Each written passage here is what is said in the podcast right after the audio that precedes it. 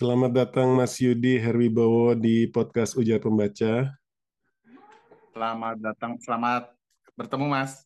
Iya, kita kita kenalan dulu ya karena sebenarnya kita belum pernah ketemu. Saya Oke. tahu Mas Yudi dari po- eh, profil publiknya dan dari buku yang saya baca. Yang saya baca Mas Yudi ini adalah seorang penulis yang sudah menulis banyak buku. Eh, asli Palembang, benar ya Mas? Min, Terus sekarang menetap di Oslo, eh di Oslo, di Solo. Ya. Di Solo. Dekat Itu- Oslo. Saya nggak sengaja loh Mas, beneran loh. Terus eh, se- eh, di sini tertulis mengurus penerbitan buku kata. Nama penerbitnya buku Buku kata. kata, ya. Ini Buku Mas, kata. ka- karena T-nya dua, itu bahasa Norway itu artinya kucing loh Mas. Artinya kucing. Apa iya? The cat karena belakangnya A. Karena dulu pertimbangannya kat- kata itu banyak, nama kata itu banyak. Jadi kayak K A T A banyak. Jadi aku apa yang nanti akan tetap membedakan tapi lafalnya sama ya udah kata aja. Jadi ku ganti ku jadikan nama gitu. Kata itu ku gantikan nama. Sekarang pun ada penerbit buku kata, tapi T-nya satu gitu loh. Iya iya iya. iya. Dan banyak banyak yang pakai kata-kata itu banyak. Dengan Jadi diferensiasi aja. dengan T yang dua itu kesannya jadi seperti Sansekerta gitu ya. Agak. di Lala aku juga sering nulis tokoh itu di cerita-ceritaku aku seneng pakai double huruf double gitu Itu akan saya kejar memang.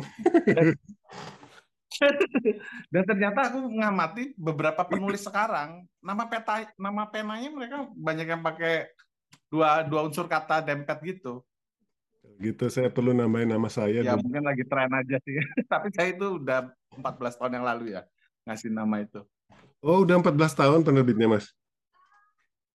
Iya dulu dulu ya kecil-kecilan aja dan sempat sempat total di jalur mayor ya Eh, jalur mayor berapa tahun itu jalur mayor sampai berhenti 2012 Hmm. ini cerita buku kata nggak apa-apa ya mas ya? Monggo, sampai monggo. 2012 waktu itu ada ada gelombang penerbit-penerbit. Jatuh ya penerbit-penerbit. Kalau Mas eh, mengamati di Jogja itu kan ada home publishing home publishing itu dulu banyak sekali pas era saya itu banyak sekali 2000 habis reformasi lah. Tapi setelah itu berguguran di 2010 2011 2012 nah mungkin itu arahnya mau ganti ke karena dulu masih offset semua ya jadi cetakannya banyak-banyak kan jadi butuh modal besar. Terus mulai 2014 mulai banyak POD POD buku itu nah, buku kata awalnya berhenti di 2012 jadi total cetak aja nerima cetakan-cetakan. Kemudian 2014 mulai bikin satu karena kangen kan kalau orang udah terjun di dunia buku tuh biasanya kangen. Walaupun tahu mungkin nggak akan mendapat banyak gitu loh jadi nyat nyoba satu nyoba satu mulai ditekuni lagi ya sekitar dua tahun lalu ketika mulai banyak penerbit-penerbit indie yang naik ya walaupun karena basicnya aku ngerti mereka awalnya juga sama-sama kecil gitu dan sekarang mereka yang menengah lah jadi penerbit-penerbit menengah jadi itu menggoda lagi untuk mulai bikin lagi gitu loh. Mm-mm. Wah, menarik. Nanti kita perlu bahas lebih dalam tuh, Mas, soal dunia penerbitan. Terus saya, saya baca juga Mas eh, Yudi ini ternyata sama-sama anak teknik seperti saya, lulusan Oh iya. Jadi itu salah satu kesamaannya di antara kita. Dan anak anak anak teknik yang terjerembab di dunia buku. Iya, iya betul. Ya, ya, jadi gitu Mas. Mungkin supaya ini benar-benar dua arah, saya memperkenalkan diri saya juga. Nama saya Irwan. Eh, saya juga kuliah teknik informatika dulu. Sekarang saya berprofesi di bidang IT. Tetapi sejak masa kuliah dulu saya sudah be- sudah bergelut di dunia bahasa sih. Saya ngajar bahasa Inggris. Habis itu coba-coba ngelamar jadi penerjemah dan sampai sekarang eh, pekerjaan weekend saya jadi penerjemah. Dan tentu saja saya suka baca buku. Itu alasan utama saya bikin podcast ini adalah supaya sejak sejak pandemi itu kita jadi tersadar bahwa waktu ini tidak banyak sebaiknya kita pakai waktu ini untuk melakukan sesuatu yang kita kita sukai, kita cintai. Dan hal itu bagi saya adalah membicarakan buku. Jadi saya ingin banget ngobrol dengan banyak pembaca dan saya saya duga penulis itu adalah sebenarnya pembaca yang going a step further. Jadi itu yang ingin saya tangkap dari obrolan-obrolan semacam ini. Gitu, Mas. Siap, siap, siap. Jadi kalau ada yang Tapi mau tetap ditanya, ada di bidang IT, di bekerja di tetap di bidang IT atau benar-benar pindah kayak saya kan benar-benar pindah. saya nggak pindah, Mas. Ganti Jadi jadi saya punya eh, jadi eh, dunia dunia sastra ini cuma affair buat saya, Cie. Oh, apa ya? ya. Tapi affair Tetap affair itu ada kan ya, nggak apa-apa. affair itu biasanya kan exciting, Mas. Ah, Terus eh, iya Mas, bagus Mas. Jadi eh, Mas juga boleh nanya ke saya ya. siap, siap, siap, siap. Nah, walaupun eh, obrolan ini saya selalu bilang bebas, tetapi kadang-kadang lebih bagus kalau kita pantik dengan sesuatu. Dan saya kenal Mas Yudi paling banyak lewat buku ini, eh, cara terbaik menulis kitab suci. Saya usul gimana kalau kita pantik dialog ini dengan barter, Mas. Jadi yang pertama eh, kita gali dulu pengalaman Mas Yudi menulis buku ini. Nanti saya barter dengan pengalaman saya membacanya. Gimana, Mas? Oke, oke. Siap. Oke. Eh, benihnya ide buku ini gimana ceritanya, Mas? Jadi memang cara terbaik menulis kitab suci ini menurut saya mungkin dapat judulnya belakangan ya. Tapi ceritanya mulai terkonsep itu karena karena saya kan sebenarnya nulis cerpen ya, nulis cerpen dan novel ya. Kalau cerpen itu biasa kita bikin cerpen dan kirim ke media. Itu itu kegiatan penulis-penulis di Indonesia rata-rata mengirim ke media. Tapi menurut saya saya cukup produktif ya. Jadi tiap mungkin kalau Mas Irwan affair-nya tiap minggu ngobrol di buku, saya affair-nya tuh malah menulis karena saya pekerjaan saya kan di percetakan penerbitan ya. Kadang-kadang kalau di saat-saat cetakan penuh itu malah sulit sekali untuk mendapatkan waktu nulis. Dan affair saya setiap weekend itu saya udah memikirkan satu tema cerita dan saya eksekusi malamnya. Biasanya malam malam malam minggu malam-malam jam 11 12 saya eksekusi. Hari minggunya finishing, Senin atau Selasa saya kirim ke koran. Nah, itu itu rutinitasnya. Dan bisa dibayangkan kalau tiap minggu itu dilakukan, stok cerpennya banyak banget kan jadi stok. Karena yang dimuat itu nanti dari empat atau lima kiri paling yang dimuat satu atau dua, tiga dicoba dikirim ke tempat lain belum tentu dimuat. Jadi akhirnya setelah beberapa bulan, mungkin 6-7 bulan, cerpen itu mengendap, cuma jadi dimasuk di folder saja. Nah, satu kali eh, dalam proses membuat sebuah kumpulan cerpen, saya kok nemu ada beberapa cerpen yang saya pikir senada ya. Senadanya itu mungkin kasusnya adalah cerita-cerita itu sangat imajiner, ya mirip-mirip dongeng gitu, dan apa punya ending yang kayak menggantung gitu. Jadi kemudian saya runtutkan, loh, saya punya ternyata tiga cerpen yang seperti itu. Dan ini saya pikir bisa menjadi satu buku yang akan dibenang merahi oleh kisah-kisah seperti itu. Konsep buku ini sebenarnya udah pernah saya tulis, Mas. Jadi saya pernah nulis buku judulnya uh, Perjalanan Menuju Cahaya dan Miracle Journey. Nah, itu sebenarnya konsepnya juga sama. Jadi cerita-cerita imajiner dikumpulkan, eh, lalu dirangkai dalam satu tema yang sama, dan kemudian jadilah buku. Tapi yang berbeda adalah eh, cerpen-cerpen yang saya ambil dari naskah-naskah lama itu hampir saya ubah. Jadi entah sudut pandangnya atau karena kan biasa saya pakai aku kan tokoh pertama kan kalau nulis cerpen dan biasanya di buku yang dua sebelumnya itu saya biarkan jadi kayak saya ibaratnya saya copy paste aja di di naskah bukunya. Yang ini saya ubah. Jadi saya benar-benar kayak menulis ulang lagi cerita-cerita itu dan saya mencari beberapa cerita lainnya yang nggak saya kirim ke mana-mana. Jadi cerita ada dua cerita yang cerita ketujuh dan cerita ke satu malah itu malah nggak saya kirim ibaratnya ini nanti jadi gong ceritanya itu. Nah, setelah dapat tujuh cerita itu baru saya harus uh, saat merangkai itu udah ke, ke, pikiran akan saya apakan ya ini ya. Saya pengen agak sedikit-sedikit ya katakanlah kalau yang dua itu kan perjalanan biasa kan tentang seorang yang punya kelebihan kan untuk mengobati mengobati tokoh orang-orang yang dia temuinya yang sakit yang luka. Nah yang ini saya pengen ada kayak semacam pengendapan yang menurut saya lebih dalam ya. Jadi niatannya ini buku duologi jadi cara terbaik menulis kitab suci dan cara terburuk menulis kitab suci. Niatnya seperti itu. Tapi yang satu dulu saya kemudian berpikir, ini tokohnya dua orang, seorang murid yang mendapat wasiat di suatu setting yang waktunya tuh saya juga nggak tahu kapan dan saya berharap pembaca juga bisa mengimajinasikannya sendiri. Nama-namanya juga saya karang-karang yang mungkin nggak terpikirkan orang ya nama-nama itu ya saya berusaha seperti itu dan eh, tempat-tempat uh, ini kemudian jadi kayak semacam tempat imajiner aja dan orang bisa menempatkan dirinya di mana saja, membayangkan tentang siapa saja dan mungkin juga bisa dengan tidak terlalu menjelaskan pada satu tempat. Mungkin kelebihannya adalah kisah ini jadi jadi lebih luas lagi ditanggapi orang, diinterpretasi orang bisa bisa lebih luas lagi. Itu itu harapannya. Tentu enggak, mungkin bisa berhasil bisa enggak ya. Hmm. Nah, setelah itu saya mulai berpikir, bagi penulis itu kan kadang-kadang kalau saya bersama kawan-kawan itu kan naskah bukunya itu, naskah buku yang sedang ditulis itu seperti benar-benar berharga sekali gitu loh. Mereka bisa sampai nangis ketika harddisk rusak misalnya kayak gitu ya. Bahkan lebih nangisnya lebih keras saat daripada skripsi rusak gitu loh.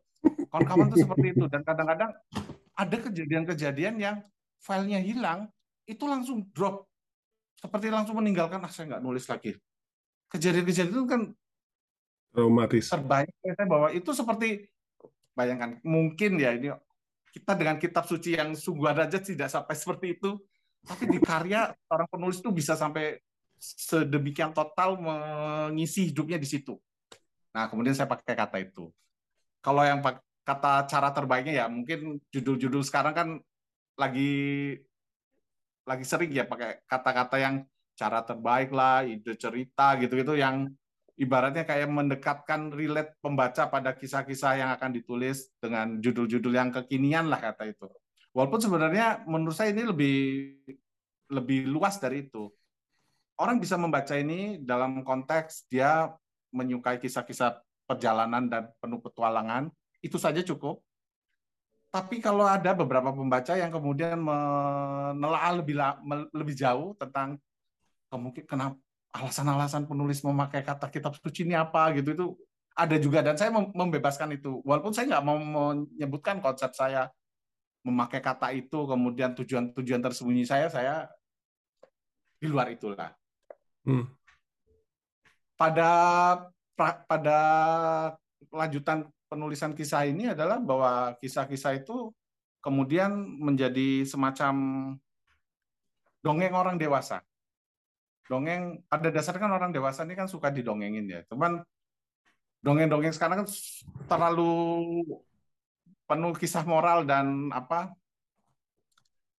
happy ending yang tak berkesudahan gitu loh. Makanya kemudian saya mencoba untuk membuat cerita-cerita yang mungkin ya cocok ya karena saya sendiri suka dongeng itu saya termasuk salah satu uh, buku atau film yang saya tonton dongeng apalagi interpretasi-interpretasi dongeng masa kini ya seperti Neil Gaiman gitu itu hmm. dia membuat interpretasi dari dongeng-dongeng lama yang sebenarnya kita sudah tahu ceritanya apa tapi dia membuat membaliknya uh, jadi kita kemudian terbuka bahwa sebuah kisah itu bisa dilihat dalam dua perspektif.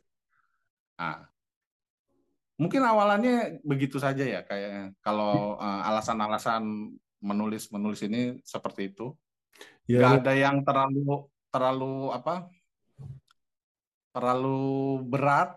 Semuanya saya bikin se katakan sesimpel mungkin ya agar-agar dapat di, di ini. Memang pada pas editing ada bagian-bagian yang saya pikir agak sensitif saya hapus ya. Uh, itu juga melalui obrolan dengan editor ya, ini kayaknya agak sensitif ya. Jadi saya saya hapus gitu. Ya, ya mas. mungkin itu ngawalnya gitu, Mas. Saya kejar ya, Mas.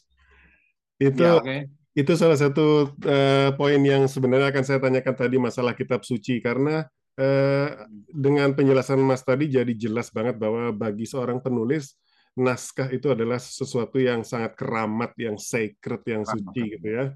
Eh, tapi itu tidak tergambarkan atau mungkin saya saya kurang jeli ya di dalam teksnya itu saya nggak nangkep itu Mas. Hmm. But but uh, again the title menurut saya itu sangat catchy karena yang pertama orang terusik, hmm, kitab suci, apa nih kira-kira nih? Terus yang kedua cara, wow, belum pernah terpikirkan bagaimana ada buku buku cara menjadi kaya udah banyak, buku cara menjadi sukses banyak, tetapi Hmm. Ini berusaha me- mengusik sesuatu yang eh, keramat. Jadi itu menurut saya novel yang membungkus dirinya sebagai buku self help itu mengusik perat atau me- menangkap perhatian. Lalu Mungkin untuk lebih mem- memper apa memperdalam judul ke bagian memang ada ada pilihan-pilihan bahwa judul se- sedikit agak terlepas ya dari dari kisah ini ya Eh, dengan beberapa alasan yang sebut di depan tadi ya. Tapi memang eh, kisah ini sebenarnya eh, menjadi gambaran bagi tokohnya untuk menulis. Ya, idenya seperti itu saja, menulis cerita-cerita yang dia temukan di di apa di perjalanannya itu. Hmm. Cerita-cerita itu bisa dari ucapan orang atau mungkin sedikit dia alami potongan di bagian tertentu dia alami sendiri. Tapi memang tidak ada yang sampai dia benar-benar benar-benar masuk ya ke dalam cerita itu bersama-sama ya. Nah, niatannya itu sebenarnya di yang cara terburuk ketika saudara yang satu melakukan perjalanan karena posisi dia kan buta. Nah, harapannya seperti itu. Orang tentu kenapa gurunya tidak memberi uh, warisan yang sama kepada dua murid kan? Apa karena dia kasihan atau apa karena dia merasa muridnya akan nggak mampu? Tapi dengan kata yang satu terbaik, yang satu terburuk, tapi ternyata pengalamannya nanti akan berbeda. Tujuannya sebenarnya seperti itu, cuman memang belum belum dikonsep, ya, di ya. apa di, dilanjutkan. Kira-kira ini eh, kalau di entah mungkin Mas me- mengukurnya berapa lama mulai dari benih sampai jadi Mas? Agak agak cukup lama ya ini ya. Karena awalnya sempat mandek di sempat berhenti di enam cerita saja. Ini kan ada tujuh cerita ya. Hmm. enam cerita saya merasa agak bagian mana ya yang agak kayak kurang ini ya. Kemudian saya tambahi satu cerita yang nggak masuk di judul. Ada cerita yang ketemu anak yang anak kecil itu di tengah-tengah itu. Kemudian satu cerita saya tambahkan lagi. Eh, jadi dalam konsep sudah jadi kemudian itu sempat saya kirim di satu penerbit dan kemudian pengiriman itu saya nggak tanya lagi karena tiba-tiba saya mendapat kayak dua cerita itu. Jadi kalau diomongin waktunya agak agak mungkin setahunan ya karena sempat berhenti itu karena sudah menganggap sudah selesai, menganggap sudah selesai dan saya kirim dan saya posisi nunggu tapi ketika saya baca-baca lagi oh kayaknya ada bagian-bagian yang kurang kurang apa mengolah karakter tokohnya ini kurang. Jadi saya tambahkan cerita itu. Berat. Jadi Kalau total total mungkin sekitar satu tahunan ya. menurut Mas itu panjang atau pendek?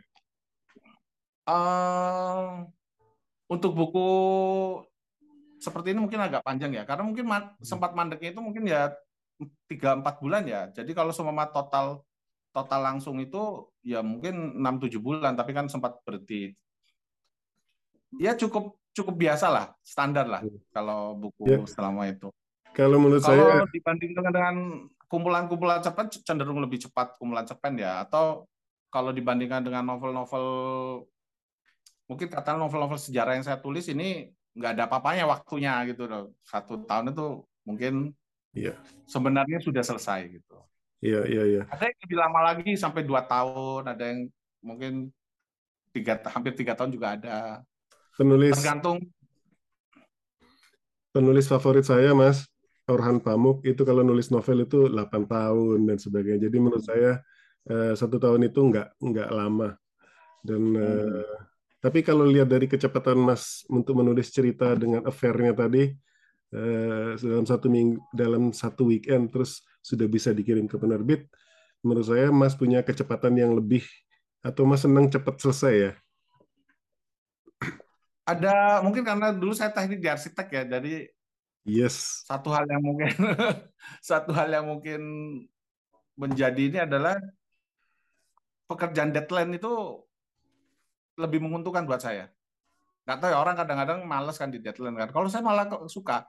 Kenapa saya suka ikut sayembara itu karena ada deadline-nya. Mm -hmm.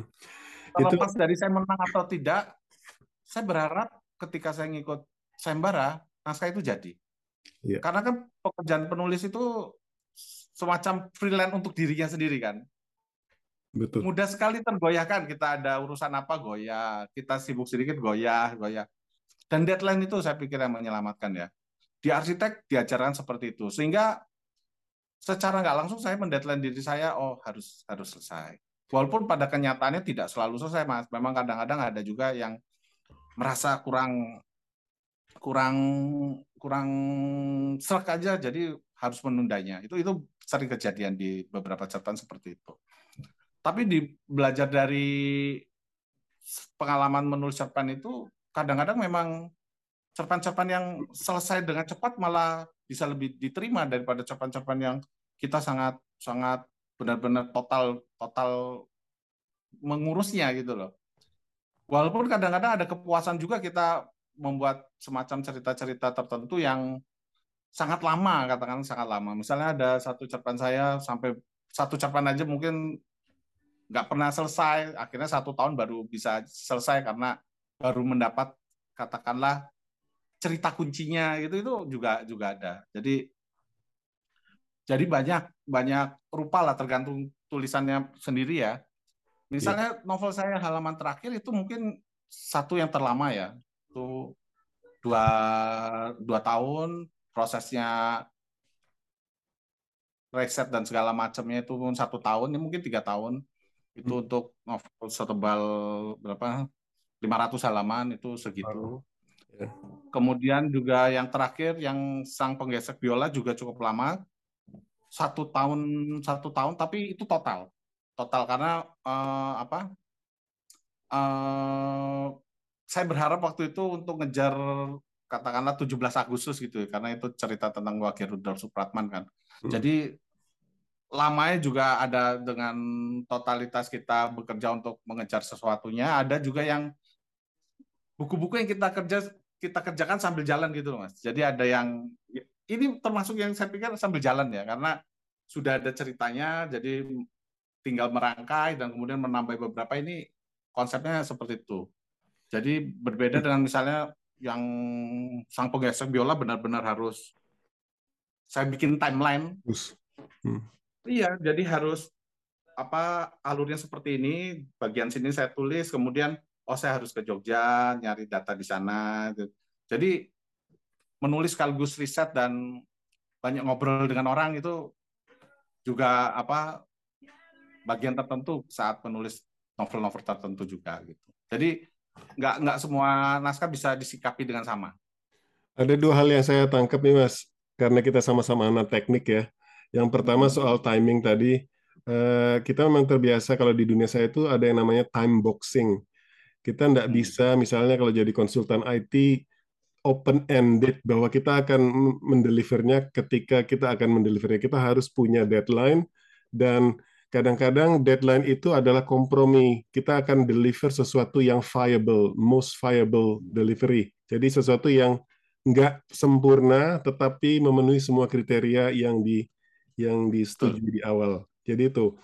Jadi kalau perfeksionis akan sulit untuk bekerja semacam itu. Makanya perfeksionis mungkin makan bertahun-tahun. Terus hal yang kedua yang saya tangkap tadi adalah soal multitasking yang saya Mas bilang tadi mungkin buku ini disambi sambil ngerjain yang lain dan itu memang wajar banget sih di dunia teknis kita harus bisa multitasking ya Mas.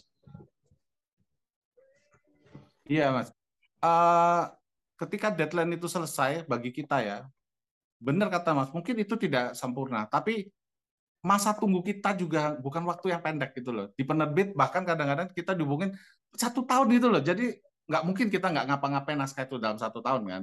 Pasti kita merasa, oh kayaknya yang kemarin kurang ini deh, kurang ini, kurang ini. Jadi di saat proses itu kita bisa nambah-nambahin. Belum lagi ketika nanti akhirnya sudah di tangan penerbit dan penerbit mengirim dami, kita tuh memeriksa lagi. Dan itu biasanya satu mingguan lagi kita masih mereview, apalagi kalau buku sejarah tuh cenderung, saya cenderung lebih deg-degan ya. Buku tentang Hugeng, buku tentang W.R. Supratman itu takut ada yang salah aja. Kalau buku kayak gini kan cenderung aman kan, hmm. aman lah. Jadi saya meriksa pun dengan agak lebih luas ya, lebih.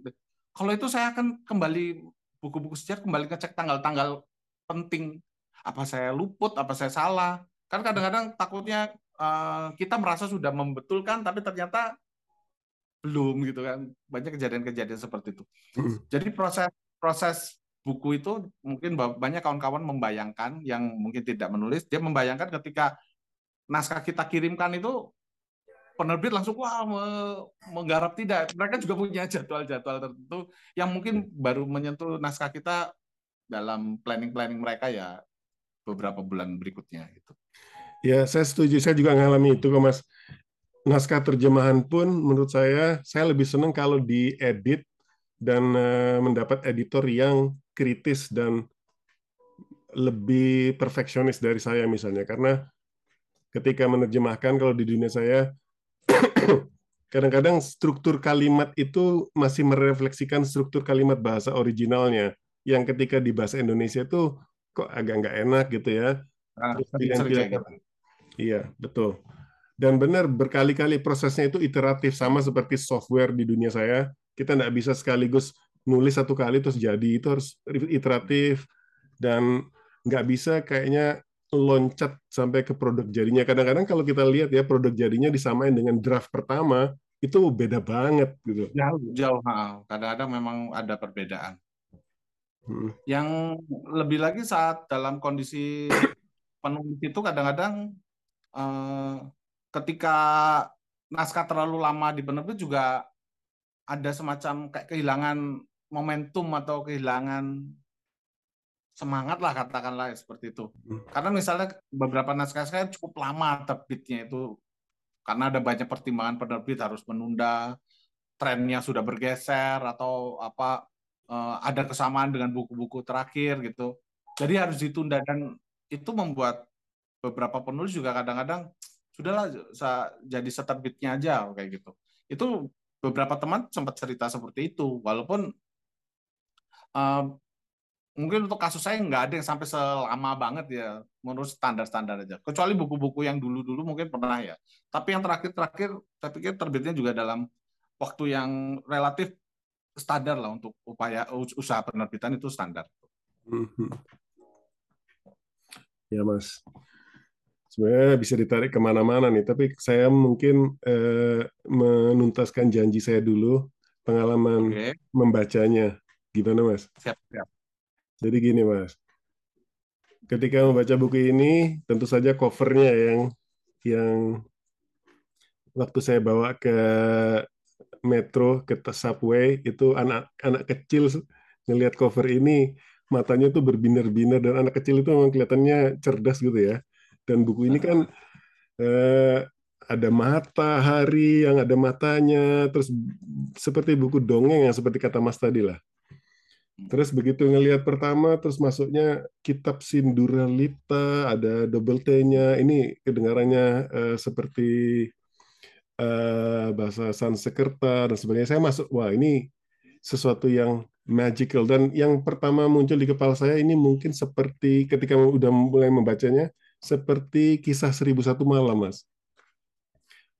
Saya nggak ingat persisnya kisah Seribu Malam, tapi kisah Seribu Satu Malam itu adalah kalau nggak salah premisnya seseorang yang harus menceritakan sesuatu tiap malam, cerita baru tiap malam supaya dia nggak dihukum mati. Jadi dia nambah nah, satu hari, ya kan?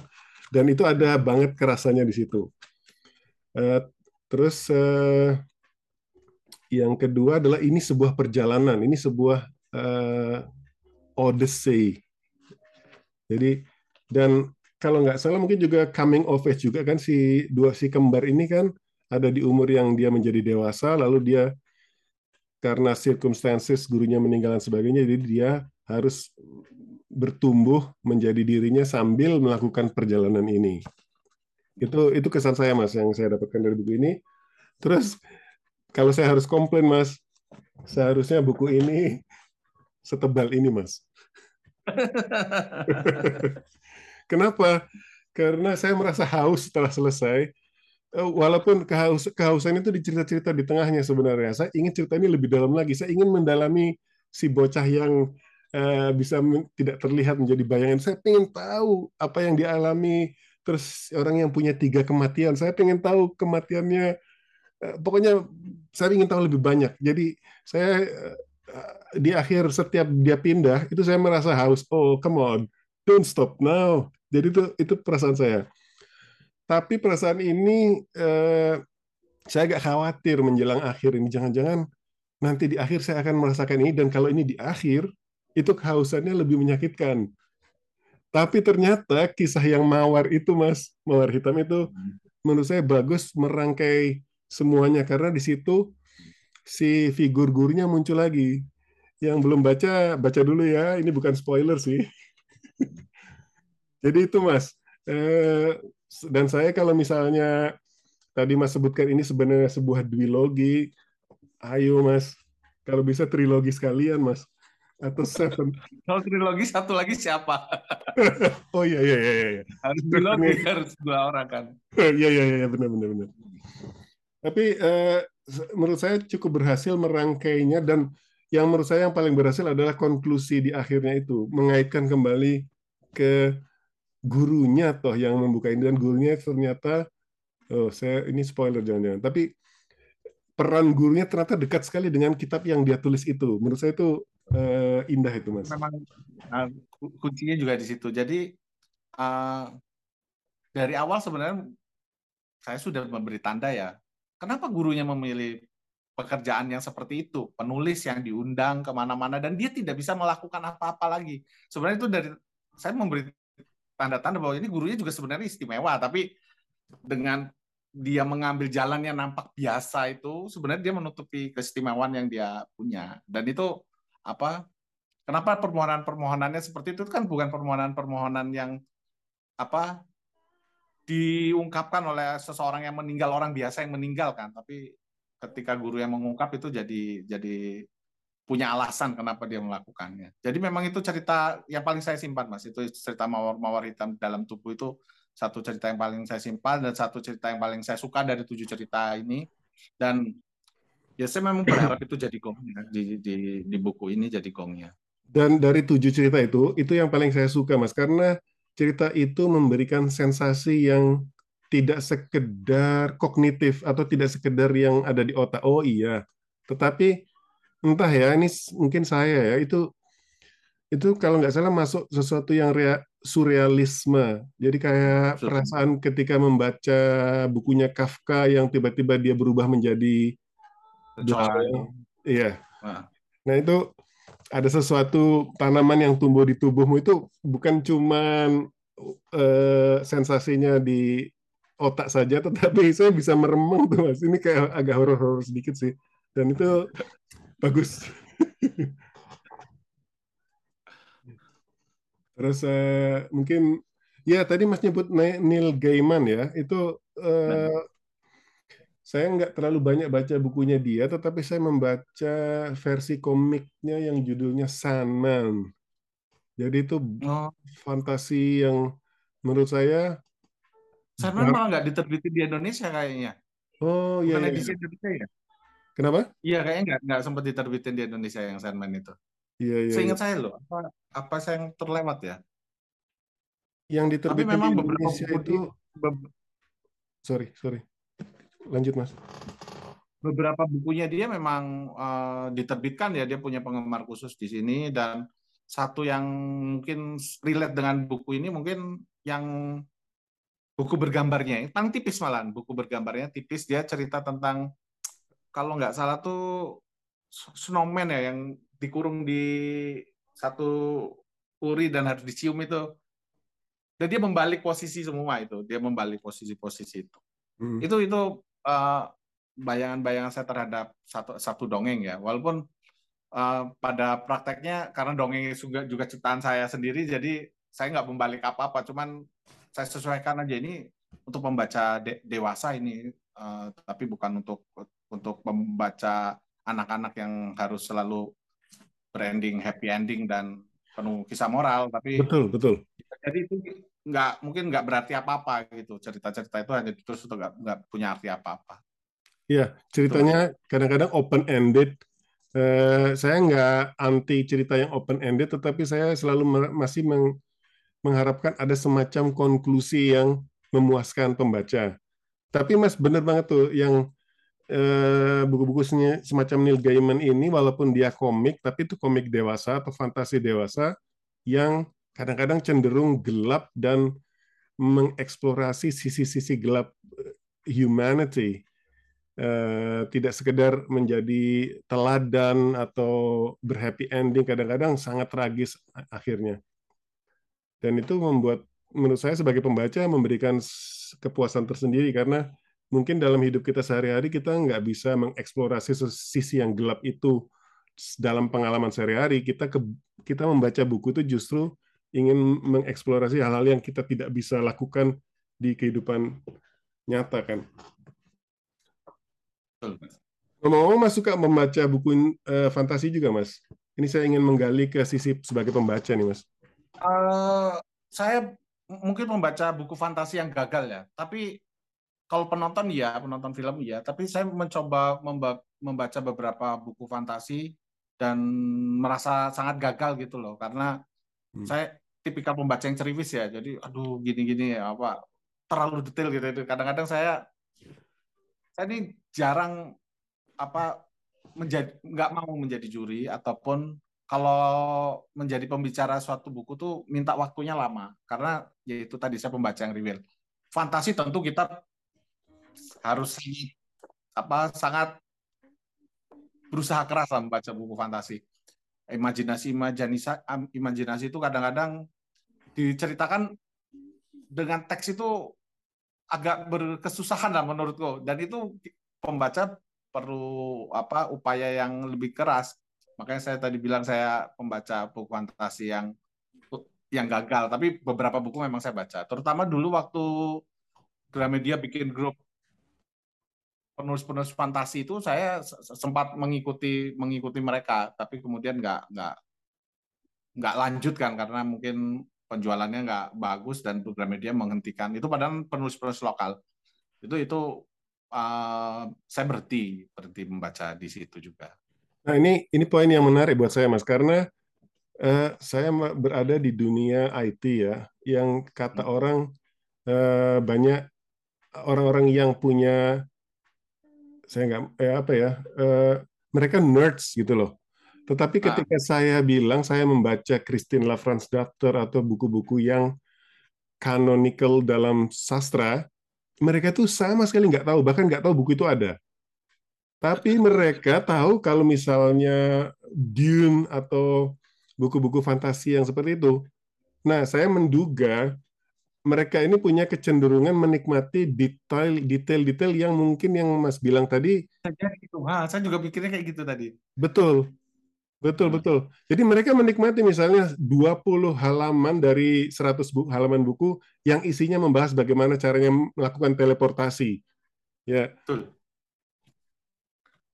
Nah, ya memang saya juga kadang-kadang mikir kenapa ya pembaca fantasi itu seperti ada di dunia yang berbeda di ranah perbukuan nasional lah misalnya. Hmm. Tapi mereka tuh sangat menurut saya sangat fanatik ya pembaca-pembaca yang sangat fanatik dan detail dan mereka ya di satu sisi karena bacaan fantasi yang bagus-bagus kadang-kadang dari luar ya mas ya dari hmm. luar negeri dan mereka kadang-kadang menepikan yang lokal-lokal gitu loh walaupun apa saya sih selalu berpikir ya pasti ada lah penulis-penulis fantasi lokal yang juga bagus kan tapi mereka sulit sekali mendapat mendapat tempat di dunia perbukuan Indonesia walaupun beberapa penerbit mencoba mencoba me, mengajukan penulis-penulis mereka tapi rata-rata mereka ya sudah menjadi penikmat karya global, lebih lebih menikmati karya global. Wah ini saya malah nggak tahu mas, saya malah pengetahuan saya sedikit sekali soal uh, fantasi atau sci-fi dalam di dunia Indonesia. Yang saya ingat itu cuma satu. Saya di awal 2000-an namanya Eliza Handayani yang hmm. menulis area 51. Pokoknya agak-agak scientific yang alien-alien gitu mas. Nah, kalian di Amerika itu ya kayaknya ya, area 57 apa itu ya?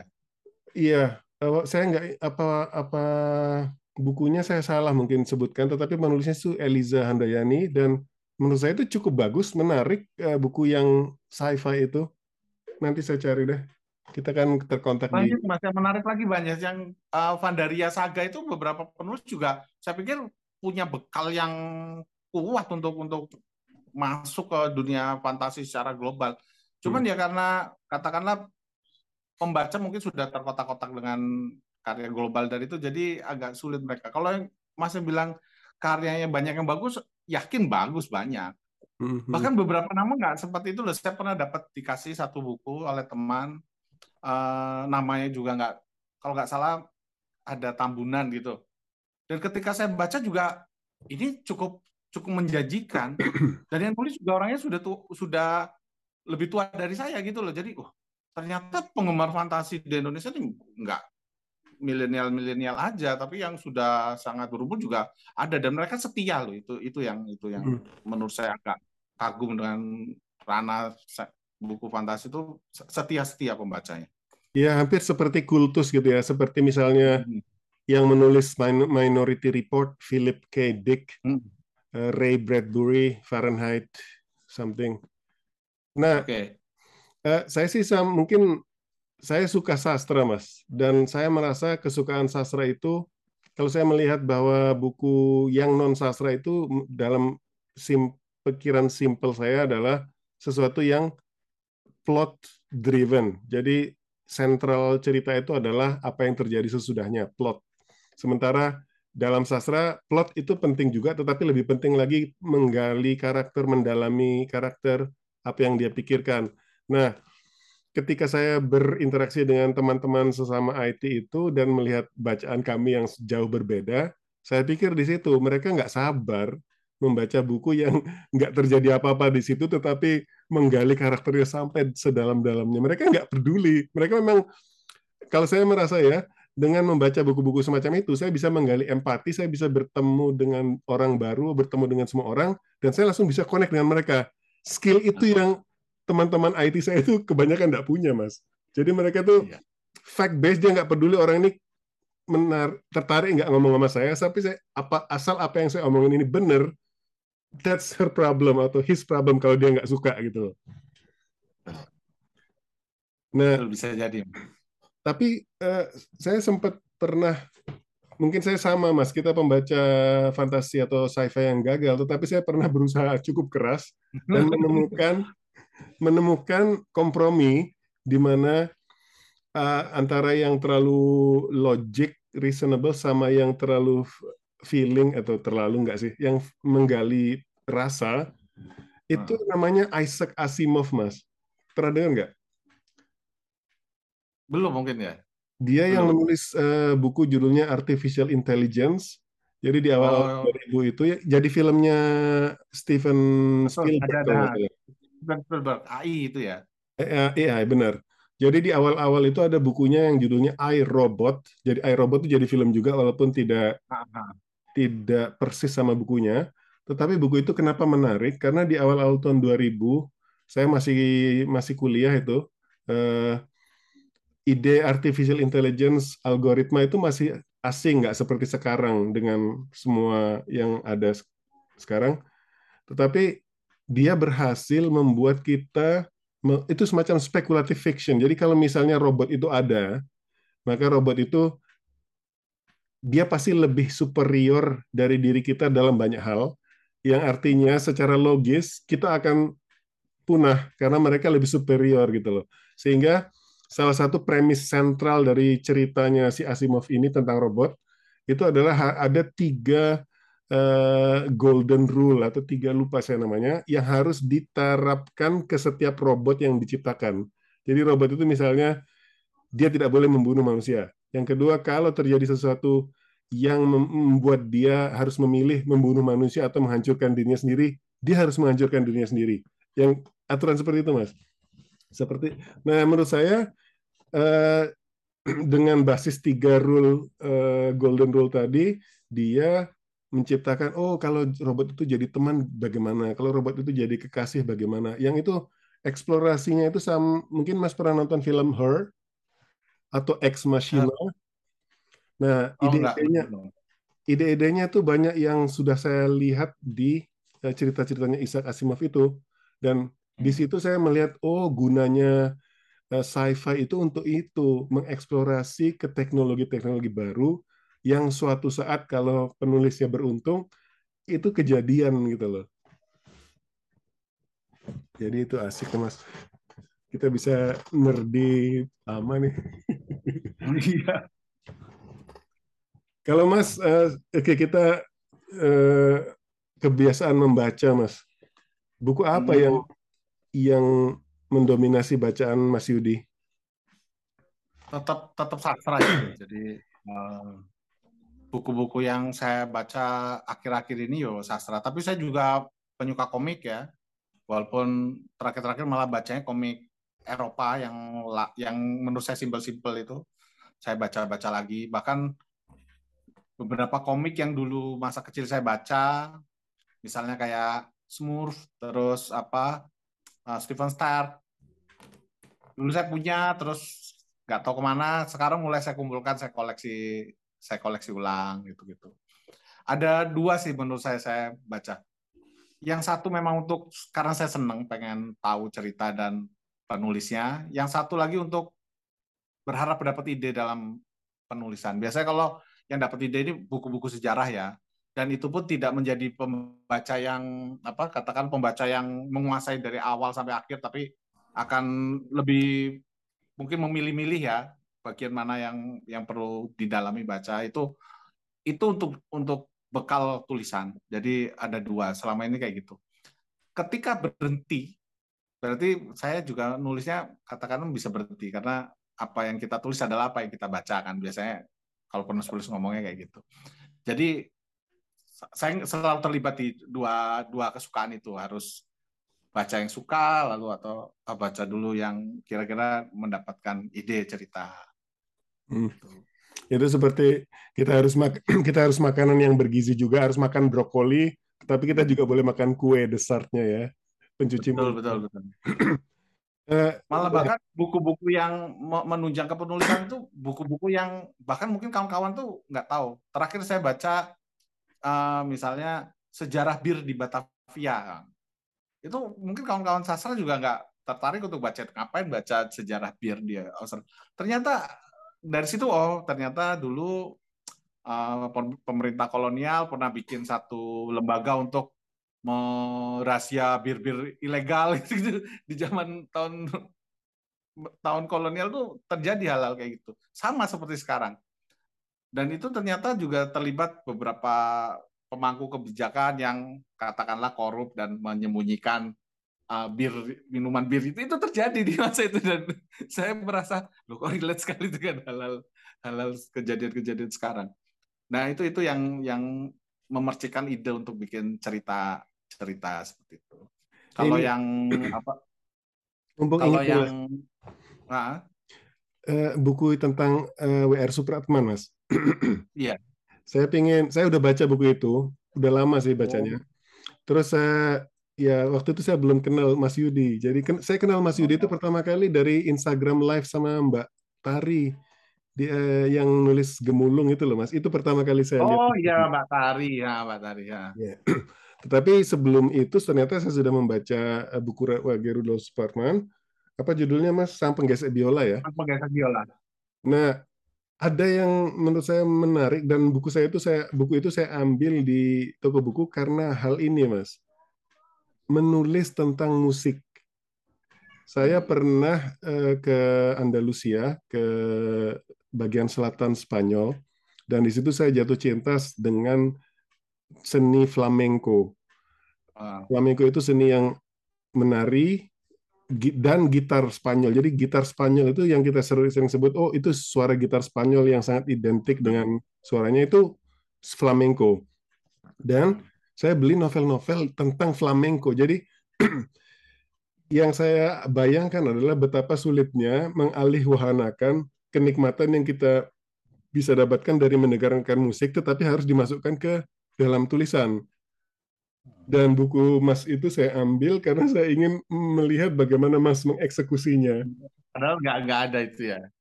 Uh, ada uh, sih yang soal dia latihan. Ada sedikit sih.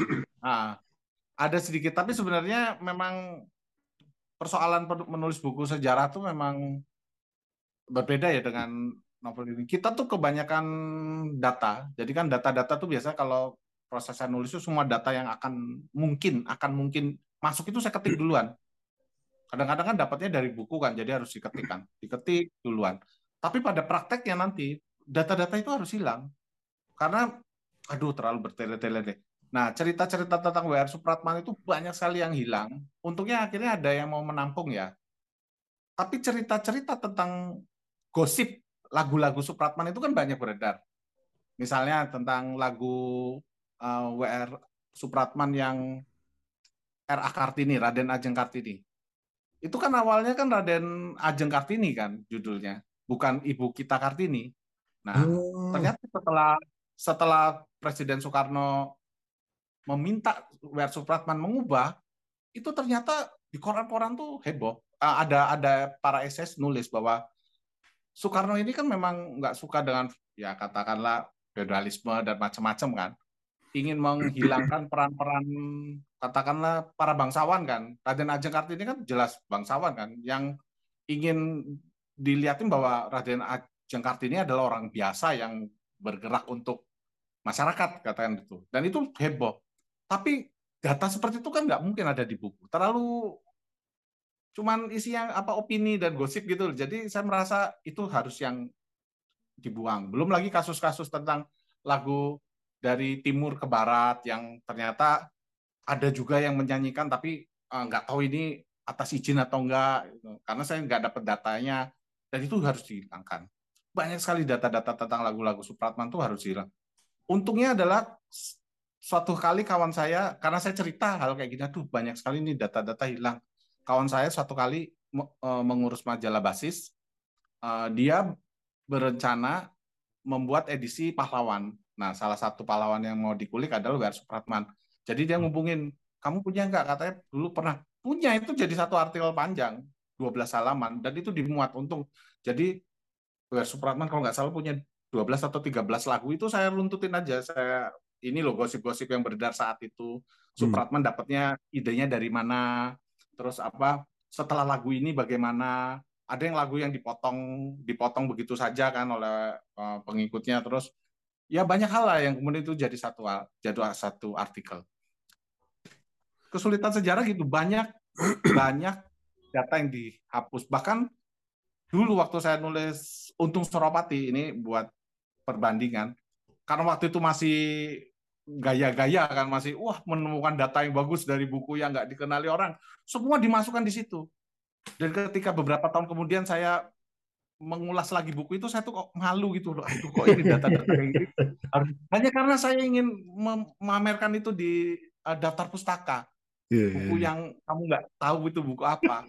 Nah saya pikir itu kedewasaan ya jujur jadi saya sekarang kalau melihat penulis baru yang daftar pustakanya banyak-banyak wah ini belum belum sampai di titik dia baca lagi naskahnya. Karena kadang-kadang malu juga data-data sampiran itu masuk kan itu mengganggu kan sebenarnya kan di di novel. Malah kemudian kuncinya adalah penulis fiksi itu. Sedikit data aja banyak imajinasi. Itu yang menurutku paling aman ya walaupun data yang sedikit pun adalah data-data yang terpilih yang uh, istilahnya data-data babon dari kisah yang mau ditulis ya itu aja. Kalau saya sih Mas, saya senang mendapat pelajaran dari buku yang saya baca, tetapi saya tidak senang digurui. Jadi menurut saya itu sebuah garis yang harus di atau garis tipis yang harus di, dipikirkan. Saya ingin dapat informasi itu, tetapi kamu jangan tiba-tiba jadi Wikipedia di tengah-tengah buku. Nah. Jadi kalau baca buku, misalnya yang saya ingat kayak Dan Brown, habis itu Dan Brown itu tiba-tiba dia ngomongin soal uh, informasi tertentu yang sound so Wikipedia, saya kalau bisa dihaluskan atau dicerna ulang di dikeluarin lagi dari bahasamu ah. gitu itu lebih bagus menurut saya. Betul mas. Oh saya tadi mau ngomong sesuatu apa saya oh ya mas saya ini sebagai sejak saya tinggal di luar negeri itu justru ah. keinginan untuk menggali sejarah Indonesia atau mengetahui lebih banyak tentang sejarah ini jadi lebih besar dibandingkan ketika saya belum ke luar negeri. Jadi saya saya hmm. meng, nanti Mas mungkin bisa kirimin buku-buku yang menurut Mas bagus soal sejarah karena menurut saya itu menarik banget. Saya kemarin dikasih dikasih buku sama seorang kena teman judulnya Inggit jadi istrinya Bung Karno. Jadi novelisasi uh, ini bukan Inggit mungkin apa? Ramadan KH Hantar kau ke gerbang? Betul itu. Uh, Hantar kau ke gerbang. Betul. Itu juga, juga sudah saya baca itu. Itu bagus menurut saya dan dengan cara seperti itu eh, pelajaran sejarah itu jadi hidup tidak sekedar fakta betul. ini terjadi sekian ini gitu lagi-lagi itu kecenderungan kita sebagai penikmat sastra kali ya mas. Kita tidak hmm. terlalu tertarik sama plotnya kita tertarik sama penggalian karakternya ya. Uh, tulisan-tulisan kayak Ramadan KH yang nulis buku Inggit itu Ramadan KH itu memang uh, mungkin di masanya heboh sekali ya karena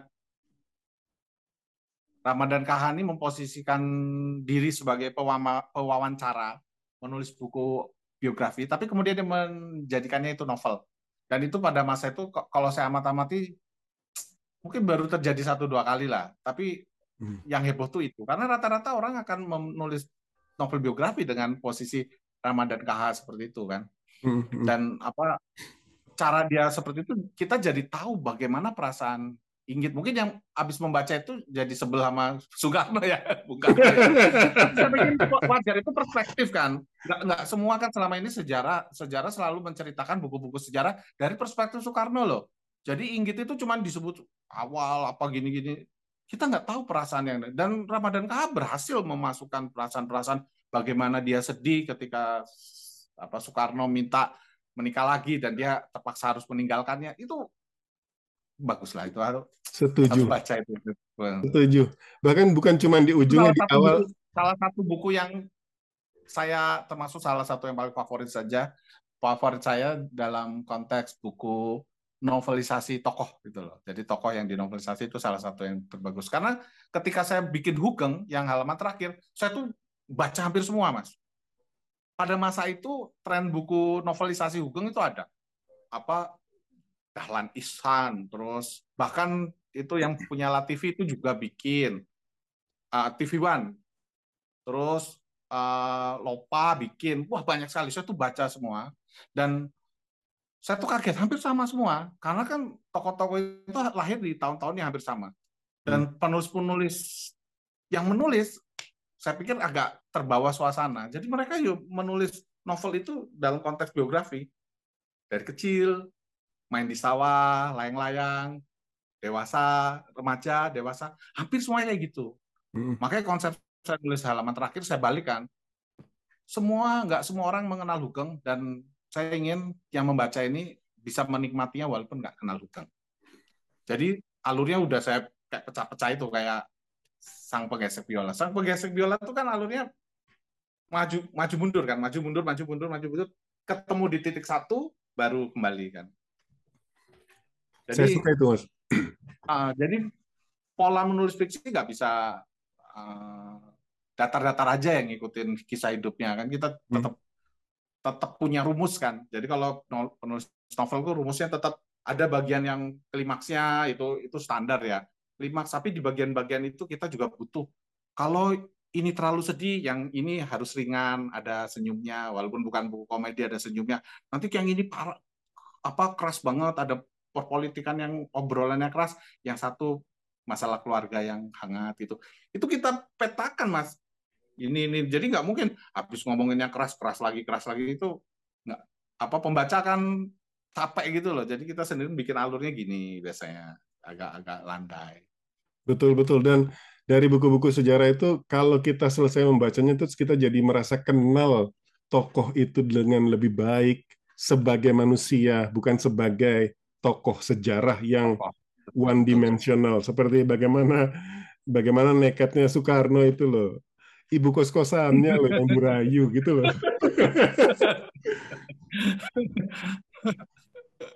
tapi juga tapi dari dialog-dialog yang dialognya tuh nggak panjang lebar, cuman pilihan kalimatnya yang efektif banget. Jadi kita bisa merasakan itu. Bagaimana uh, mungkin saat itu si Inggitnya kesepian atau merasakan ada kekosongan dalam hidupnya itu itu kita ngerasa juga dan tiba-tiba ada anak kosan yang ganteng yang merayu ini ganteng insinyur.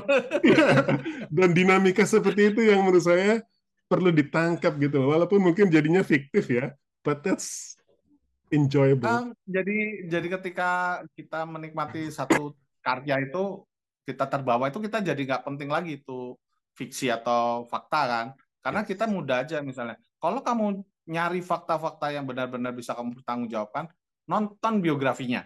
Iya. Jangan nonton filmnya. Itu sesederhana itu sebenarnya. Betul, betul. Nah, tadi Mas bilang bahwa bacaan membaca itu ada yang untuk snacking atau untuk yang kesenangan dan baca untuk menjadi bekal tulisan. Ada enggak uh ada enggak eh, bagaimana cara menangkapnya? Kan kita bisa aja membaca buku ini terus habis itu lupa gitu, Mas. Ya, Apakah ya, ada kebiasaan mencatat dan sebagainya? Uh, saya sering beli buku ya. Dulu uh, buku-buku saya tuh kadang-kadang karena nggak cuma yang ingin saya baca, tapi yang mungkin akan saya baca. Jadi buku-buku sejarah akan selalu saya baca karena mungkin akan saya baca walaupun mungkin tidak terbaca sampai sekarang pun tidak terbaca. Tapi cara ada keinginan-keinginan kayak premis awal misalnya ingin menulis tentang opium. Berarti buku-buku opium dibaca. Gak semua buku yang kita baca tuh akan tiba-tiba memercikan ide. Banyak yang buku ternyata cuma isinya data-data juga jadi kurang ini. Padahal kita tuh nyari biasanya yang kisah kan. Buku sejarah tuh saya suka yang kisah. Misalnya kayak terbitan komunitas bambu yang misalnya Singapura tempo dulu Jawa tempo dulu itu banyak kisah di situ tapi hmm. beberapa buku sejarah yang diterbitkan misalnya tentang Sulawesi banyak cerita sejarah-sejarah yang sudah sudah umum dan itu kupikir kurang memercikan ide ya.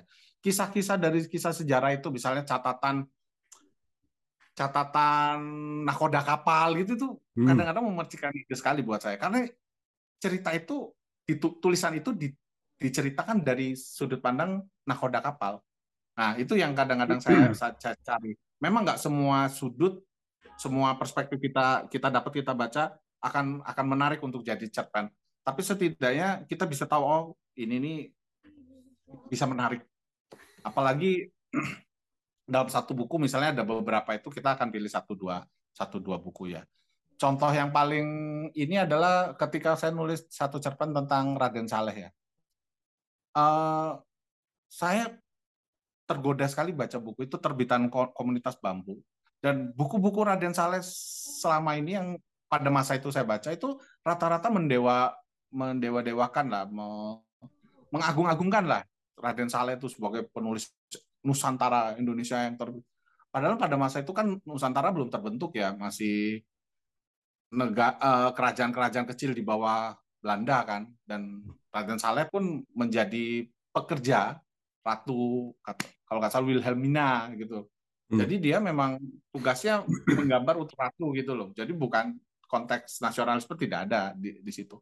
Nah saya tulis cerpen itu dalam konteks uh, apa tanpa tanpa nasionalisme. Jadi memang dia dia menyebut dirinya aku adalah pelukis Ratu Wilhelmina gitu kan. Itu hmm. ada kalimat ya di situ. Dan itu tiba-tiba dimuat di Tempo karena dilalah bersama dengan pameran Raden Saleh yang megah di Jakarta. Nah, orang-orang kemudian heboh kan. Sangat wah pelukis Indonesia ini hebat banget. Eh saya malah membalik ya ini apa belum ada nasionalisme saat itu wong dia pekerja Belanda gitu. Dan itu ternyata menjadi banyak dialog kan. Bahkan itu cerpen satu-satunya cerpen yang ketika mau dimuat editor eh, redakturnya tuh sampai WA dulu. Ini data bukunya dari mana ya? Saya, saya sebut ini ini ini bisa dipertanggungjawabkan kan oh bisa. Akhirnya baru dimuat dan itu memang benar. Terjadi perspektif yang berbeda dari masyarakat dan saya juga mendapat beberapa beberapa pesan itu. Salah satunya adalah Mbok kamu nonton pamerannya. Disuruh nonton. Ya banyak lah jadi hal-hal kecil yang mungkin cuma satu paragraf saja di buku sejarah bisa membuat memercikan ide besar untuk untuk sebuah cerita ya. Dan saya selalu selalu ingin ingin seperti itu.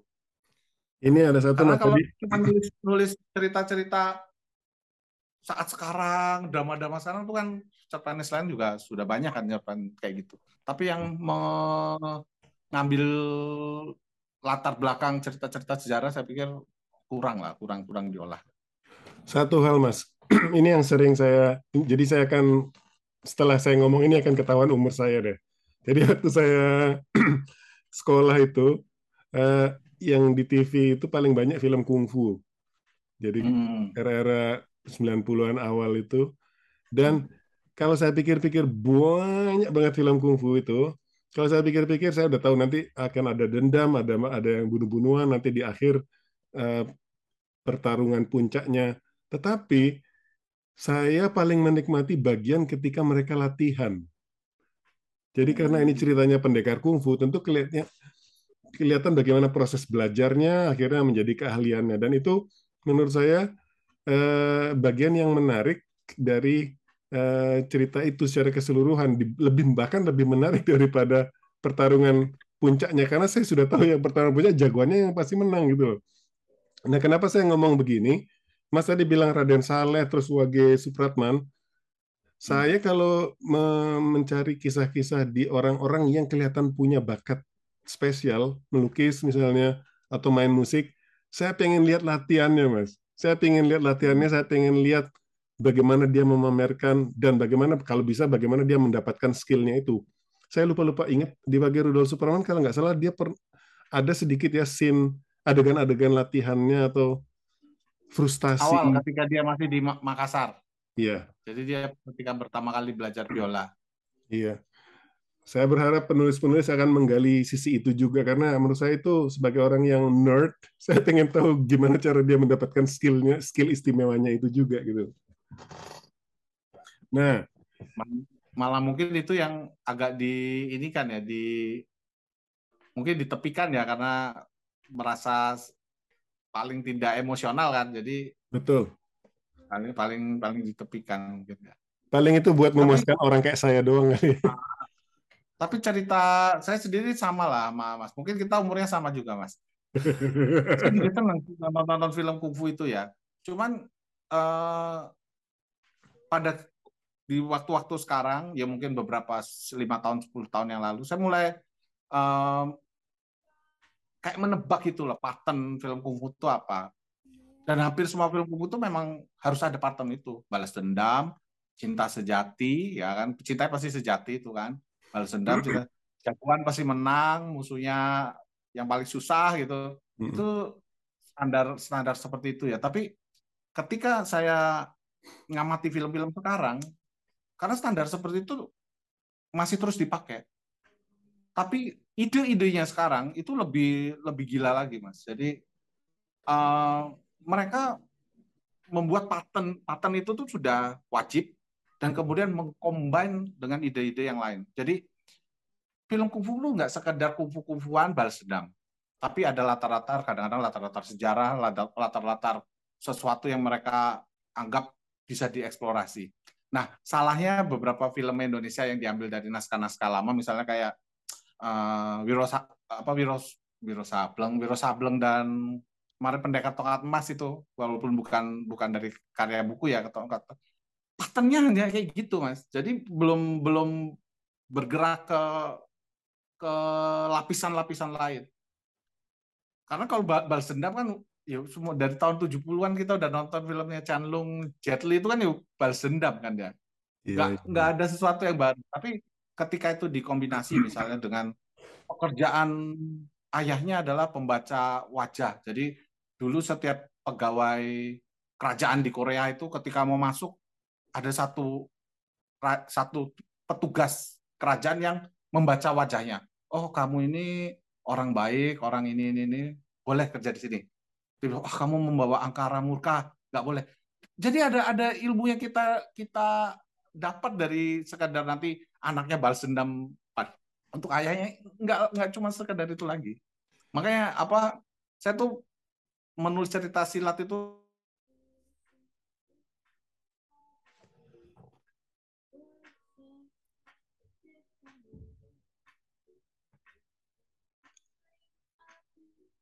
Hilang ya, Mas? Seperti itu lagi ya.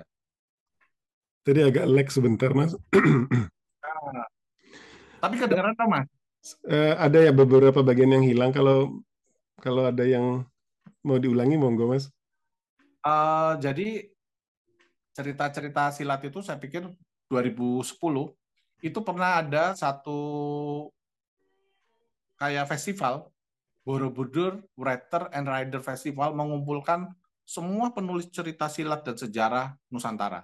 Wow. Itu tahun 2000 dan itu mengundang 100 orang dan waktu itu memang lagi booming buku buku sejarah silat itu karena mungkin masih ingat buku Gajah Madanya Pak Langit Kresna Haryadi. Hmm. Nah, itu booming dan semua penerbit tiba-tiba menerbitkan buku Raden Pata, Joko Tingkir, wah semua itu diubah.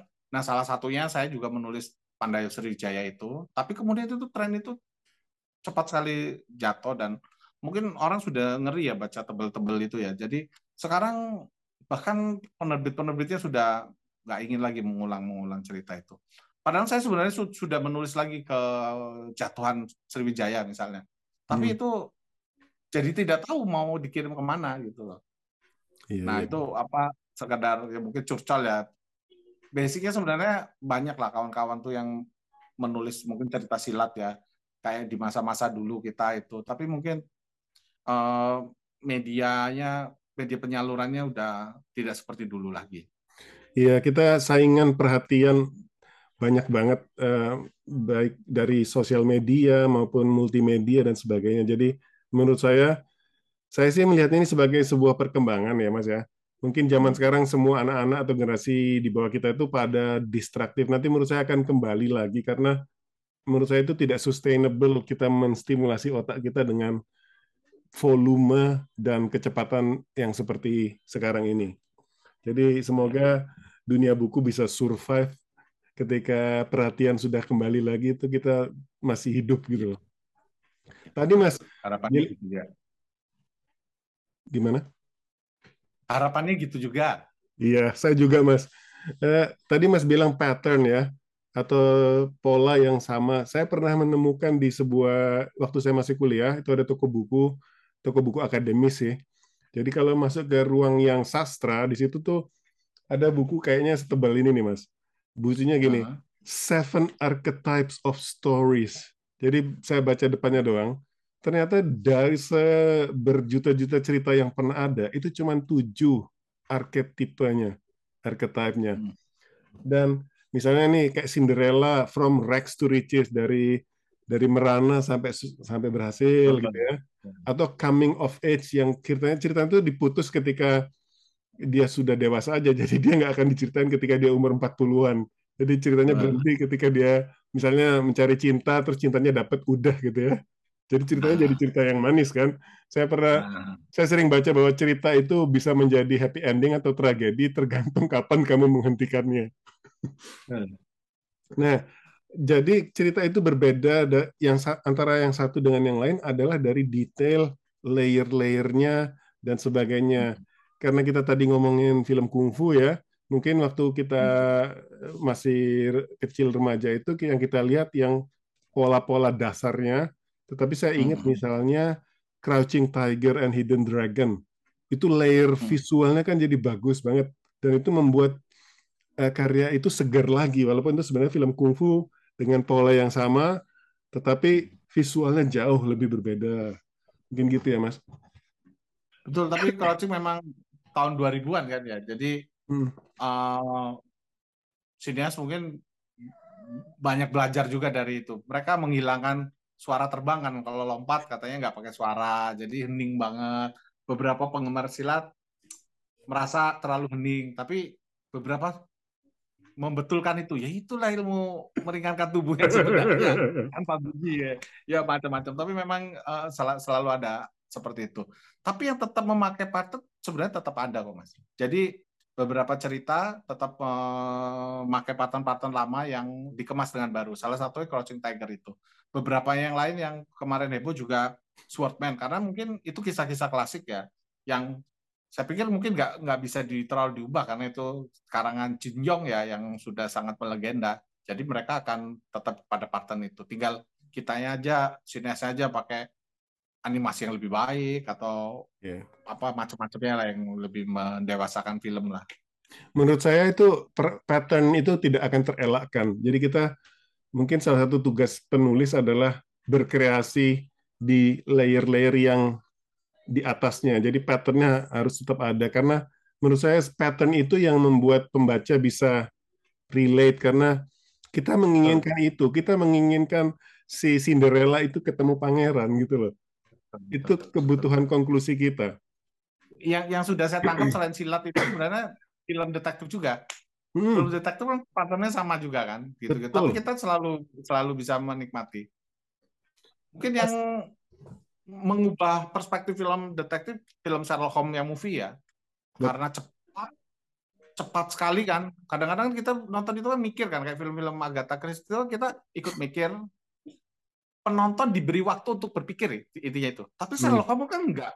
Sherlock Holmes itu kita yang ngikutin aja kita nggak mungkin menebak-nebak.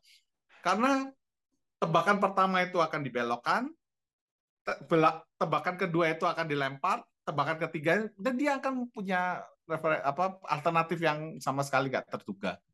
Itu adalah bentuk dari pengembangan yang detektif-detektif yang dulu-dulu. Mungkin kita dulu mengenal cuma dua layar. Oh ini bukan, oh berarti ini. Kemudian Iya, ada iya. tiga layar. Sekarang mungkin dia pakainya empat, empat kembali ke satu bisa aja kan. Oh, udah satu bukan, dua bukan, tiga bukan, empat nih kayaknya empat ternyata eh yang satu gitu. Sekarang udah mulai eh, alurnya dibikin-bikin kayak gitu dan kita sebagai penonton tuh sebenarnya sedang-sedang aja karena Hmm. menurutku konteks Sherlock Holmes itu agak susah kalau di yang baru ya kalau ditulis gitu loh karena Benar-benar. memang butuh kecepatan kan sedangkan baca kan tetap kita punya jeda kan waktu dengan bacaan kita kan kita tetap berjeda Betul betul Mas. Itu Mas pasti nyebutin versi Sherlock Holmes yang Robert Downey Jr. ya. oh betul ha itu itu Ada satu lagi Mas yang sebenarnya modernisasi tetapi masih tetap ada rasa wah kucing putih Mas. Iya, ini naik naik Kamu bukan sih. Nggak apa-apa, apa-apa Mas saya suka.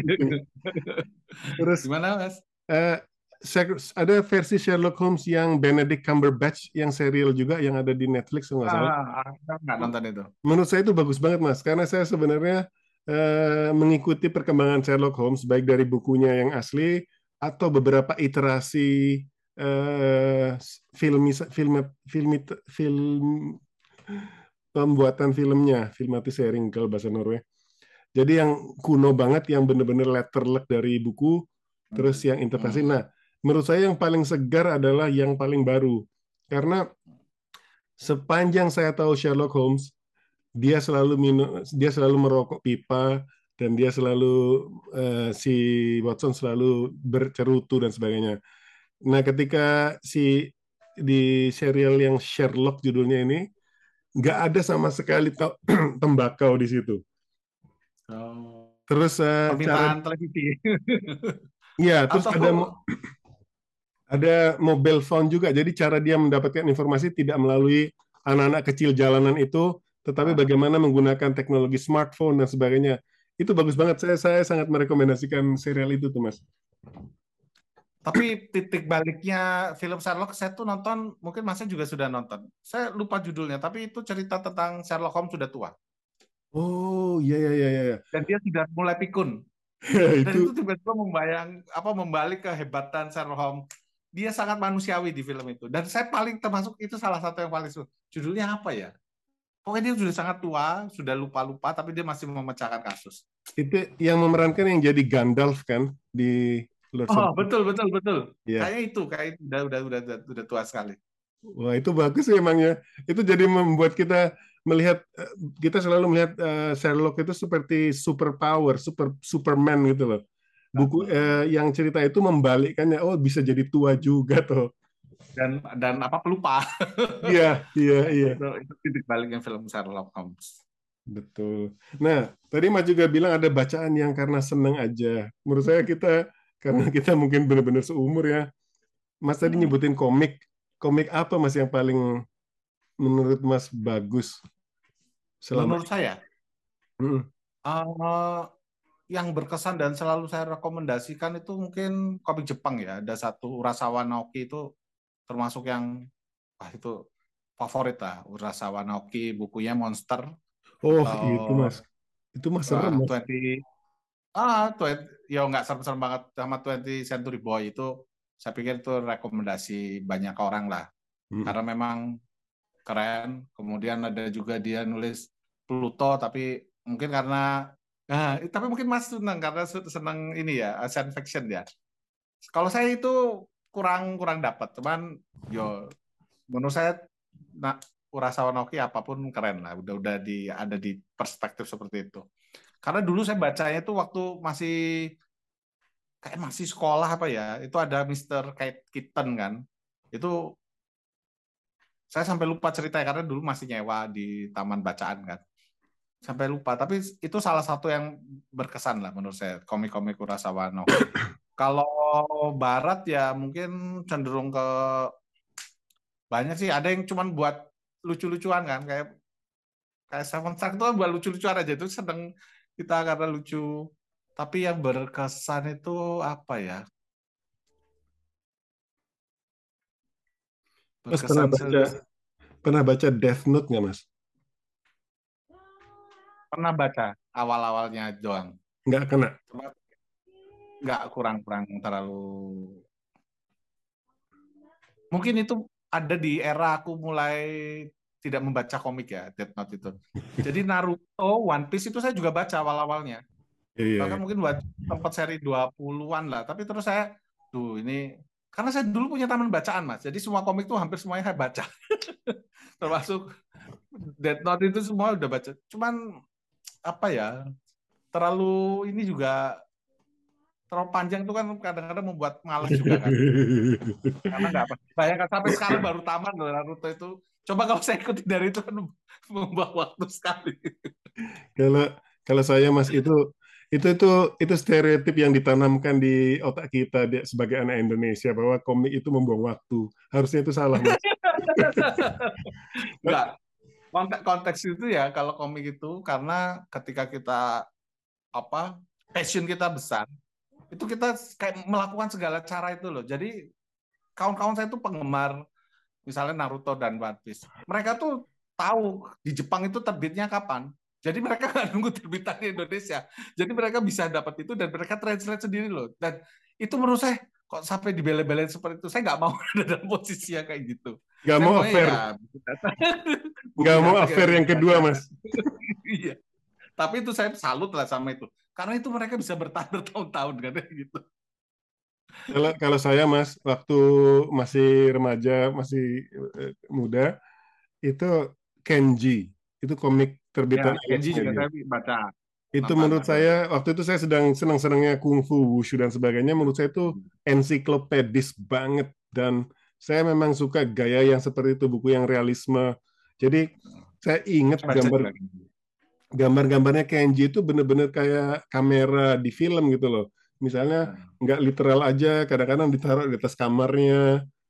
Nah, saya juga uh, belajar untuk membuang stereotipe bahwa komik itu tidak berguna. Ketika saya membaca sudah dewasa nih, kayaknya pertengahan 2000-an akhir atau 2000-an akhir, itu Death Note, Mat. Karena menurut saya Death Note ini menjungkir balikkan segala arketipe cerita. Jadi dia memasukkan elemen fantasi ke dunia nyata, terus dikeluarin satu-satu aturannya. Jadi kalau kamu menuliskan nama orang di buku itu, maka dia akan mati.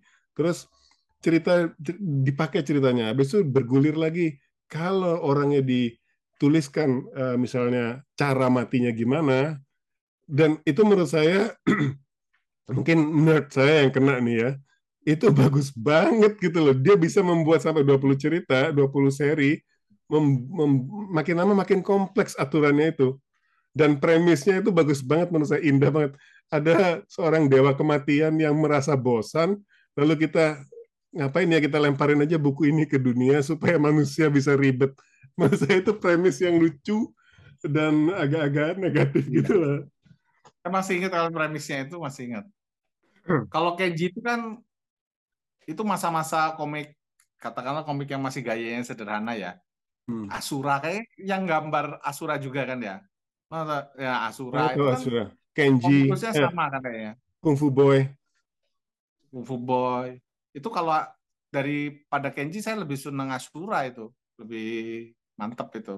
Kalau saya menurut saya ada Ashura itu malah kurang bag karena saya kurang seneng gayanya karena misalnya dia lagi nendang itu cuman garis aja mas minimalis banget itu kalau Kenji itu ceritanya beneran kayak mungkin ensiklopedia saya lebih lebih menilai waktu itu dari segi cerita ya. Hmm. Dari segi saya mungkin nggak nggak detail banget melihat itu. Tapi kalau kemudian saya ingat, memang Asura tuh banyak yang kayak apa panel-panel sederhana. Jadi misalnya panel kota terus orangnya di tengah-tengah gitu loh. Jadi Hmm. banyak panel-panel sederhana. Kalau apalagi kalau dibandingkan dengan komik-komik komik-komik sekarang ya. Tapi dari segi cerita saya itu salah satu yang paling saya senang. Asura, Samurai itu kan Hmm. kayak wajib itu. Kenji ya, Asura, Samurai itu bacaan-bacaan kita pada masa itu. Sama di masa itu tapi yang paling favorit sekali itu malah saya lupa tuh. Legend of the Wind. oh, oke Nah, sama itu sequel. Aduh, kok saya lupa tuh ya favorit kok malah lupa. Saking favoritnya email saya itu kan higosa@yahoo.com. Higosa itu toko toko utamanya saya pakai.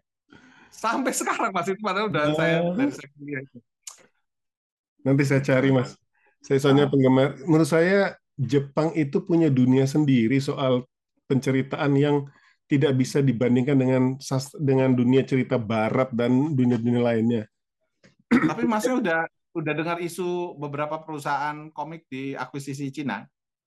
Komik dan Jepang? kemudian oh, komik-komik perusahaan komik Jepang itu diakuisisi oleh Cina. Dan banyak penggemar-penggemarnya akan akan merasa akan kehilangan ya. Karena kan dua dua ya dua karakter bangsa itu kan berbeda dalam menyikapi Hmm. bisnis lah katakan. Apalagi komik ya komik itu kan sangat Jepang ya. Dan ini ada isunya diakuisisi Cina. Salah satu perusahaan aku lupa namanya. Tapi terjadi kehebohan sih di aku baca di Twitter oh kehebohan diakuisisi ya ya ya ya mungkin Ya, mereka akan bisa menjual- logikaku mereka akan bisa lebih jual lebih banyak. Iya, dan Nah, menurut saya, tapi tapi mungkin akan ada hal-hal yang hilang. Masnya nonton Bakuman nggak? saya baru mau bilang ini. menurut saya Bakuman itu baku, adalah adalah cerita eh, tentang komikus yang mengawali karirnya dari SMA, dari SMA ya. Jadi jadi Yes. orang-orang Jepang bisa bercita-cita kayak- mungkin kayak orang Indonesia sekarang aku pengen jadi YouTuber itu bisa dilakoni saat itu juga dan juga kayak gitu kan. SMA dia punya temen yang bisa cerita, eh kamu bikin cerita aku yang gambar. Dan itu ternyata terwujud kan ketika bahkan mereka sebelum mereka lulus mereka udah bisa masuk di shonen kan. Karena majalah shonen tuh dulu banyak banget kan. Shonen apa, shonen apa itu isinya kumpulan-kumpulan cerita yang ketika bagus akan dirilis sendiri gitu loh. Jadi penyariknya ini majalah majalah shonen ini, majalah-majalah shonen. Dan betul. itu makanya aku terus mengamati kan banyak kan temanku kan komikus kan buku kata kan menerbitkan komik lokal juga kan mas komik lokal dan kadang-kadang ngobrol-ngobrol itu banyak yang berharap kayak gitu cuman aku terus mikir nggak bisa kita komikus Indonesia itu masih single fighter. Nggak bisa apa iklim seperti di Jepang yang biar ribet nyari penulis cerita tuh nggak terjadi di sini. Dan satu lagi karena ada majalahnya jadi anak SMA pun bisa masuk ke situ yang apa cuman cerita 7-8 halaman yang menurutku nggak berat ya. Walaupun mereka ketika kamu sudah masuk kamu harus nulis tiap minggu loh. Nah, itu mereka semangat kan. Nah di Indonesia nggak nggak ada kayak gitu. Soalnya Mas, itu ya, yang nulis eh, Bakuman itu kan penulis dan eh, penggambarnya Death Note, Mas. Jadi oh saya- iya Jadi saya melihat itu eh, melihat itu dua favorit serial komik saya. Jadi Death Note itu mereka beraksi membuat komiknya, terus di Bakuman itu mereka menceritakan dunia kehidupan mereka, bagaimana caranya menjadi komikus di Jepang. Dan menurut saya itu revealing banget kalau kita content creator atau melakukan pekerja kreatif yang menghasilkan sesuatu apa pun bentuknya, banyak pelajaran-pelajaran dari Bakuman itu yang bisa kita ambil bagaimana generate ide, bagaimana masukin ke pasar dan sebagainya. Menurut saya itu bagus banget tuh, Mas. Iya, itu hmm. salah satu salah satu rekomendasi lah kalau yang baru mau baca-baca komik. Itu mungkin bagus banget untuk kita masuk ke topik selanjutnya yaitu soal dunia perbukuan, Mas. Oke. Okay. Eh, karena Mas tadi sendiri juga bilang eh, menerbitkan komik juga, itu apa? Apakah ada kemiripan dari yang kita baca di Bakuman itu, Mas? Soal naskah, kontennya, penerbitannya, pemasarannya. Jadi cerita awal kan buku kata itu dua orang ya, saya dan satu teman saya itu Anton WP. Yang naskah-naskah sastra klasik itu saya yang ngurus dan Anton ini di komiknya Anton. Pemilihan komik-komiknya itu memang dari dia ya, tapi kita nggak mencari secara terbuka karena dulu pernah nyari secara terbuka dan ngirim banyak banget. Padahal kapasitas kita tuh cetaknya itu masih terbatas dan jumlah terbitannya tuh baru sebulan satu lah. Jadi masih masih coba-coba juga. Walaupun ternyata nggak kerasa udah sampai 22 judul ya, 20 apa 24 ya. 24 judul ya. Karena memang karena kawan saya ini basicnya di komik eh, dan dia tahu dunia komik bagaimana susahnya komikus Indonesia. Kan walaupun sama kayak penulis tapi penulis ini lebih enak. Penulis ini punya media. Koran. Sekarang web web penulis yang berbayar juga banyak. Tapi komik kan nggak. Mau nggak mau mereka harus ke web novel yang notabene gratis ketika bayar juga nggak ada yang ngeklik gitu ya hmm. jadi banyak komikus itu untuk eksistensi mereka tuh uh, posting di Facebook hmm. bayangkan hmm. eman banget kan mereka tuh menggambar dengan susah payah hmm. kemudian hanya posting hanya di like orang sudah itu makanya kemudian ah dari awal itu kawan saya itu mendekati satu-satu mau nggak kamu dicetaknya terbatas waktu itu masih 300 ya 300 x itu kita cetak kamu dibayar sekian dibayar di muka dibayar sekian mau nggak? Dan rata-rata mau. Itu gerakan itu sebenarnya gerilya tapi ternyata dari mulut ke mulut banyak sekali tersebar dan tiba-tiba kami itu bayangkan penerbit kami itu kan menurutku sangat kecil ya tiba-tiba bisa menerima 20 30 naskah beberapa hari sekali itu kan nggak nggak make sense itu loh walaupun dan beberapa itu udah udah komik-komik itu stop karena ternyata setelah kita dalami eh, pemain-pemain yang nerbitin komik ini tidak banyak hmm. ada sebenarnya yang besar ada yang spesialis misalnya MNC itu bikin lini koloni ya tapi uh, kata kawan-kawan komikus tuh gaya mereka ini kurang bisa masuk karena sangat sangat Japanese gitu Pakai hmm. kiblatnya Jepang gitu loh. kiblat Jepang. Nah, padahal misalnya kayak kalau Mas Irfan ngamati kan buku kata sering yang gayanya lokal kan. Itu ternyata tidak tidak diterima di situ. Hmm. Nah, itu kesulitan. Makanya kemudian kita nyobalah. Dan ternyata ketika percobaan awal kita nerbitin Ram Sanjaya sama Abi, itu responnya bagus itu loh. PO-nya aja menggiurkan itu loh. Jadi kita senang sekali ya. Tapi ternyata eh, nggak uh, semua komikus punya tren seperti itu. Hmm. Apalagi ketika gambarnya agak ke Jepang-Jepangan langsung drop. Di kita tuh langsung drop. Kita juga bingung ini gimana. Padahal maksudnya kita juga nggak milih-milih, nggak milih-milih lah sebenarnya lah.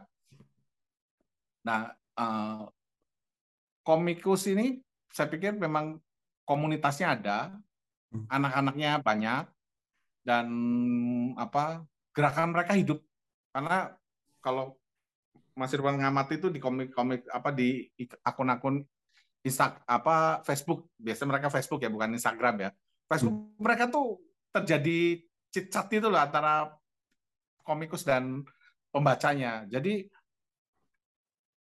penilaian kami sih ini jalan lah industri industri ini. Hmm. Walaupun mungkin untuk mencapai yang besar banget ya enggak lah. Tapi untuk lingkup komunitas yang 200 300 harusnya jalan sih menurut kami. Itu mungkin bisa nggak Mas sebagai orang awam nih di dunia bisnis buku eh, bisa nggak dibandingkan antara eh, komunitas penikmat apresiatif terhadap komik itu sama dengan science fiction tadi Mas.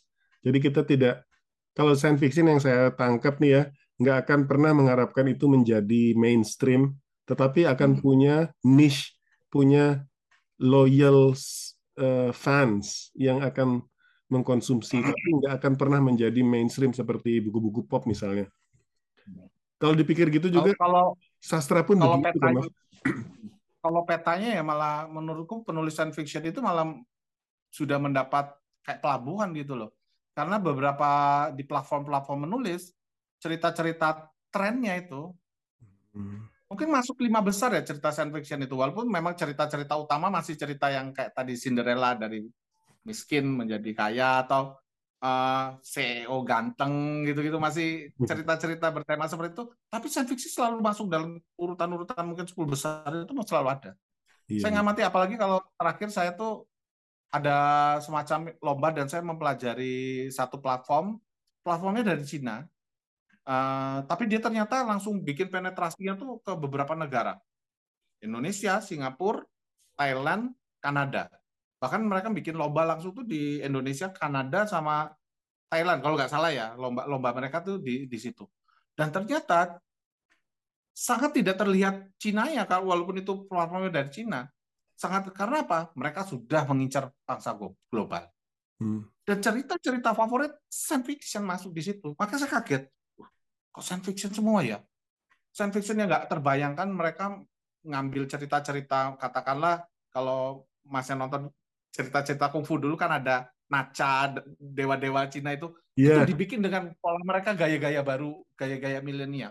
Dan itu ternyata jalan. Saya wow.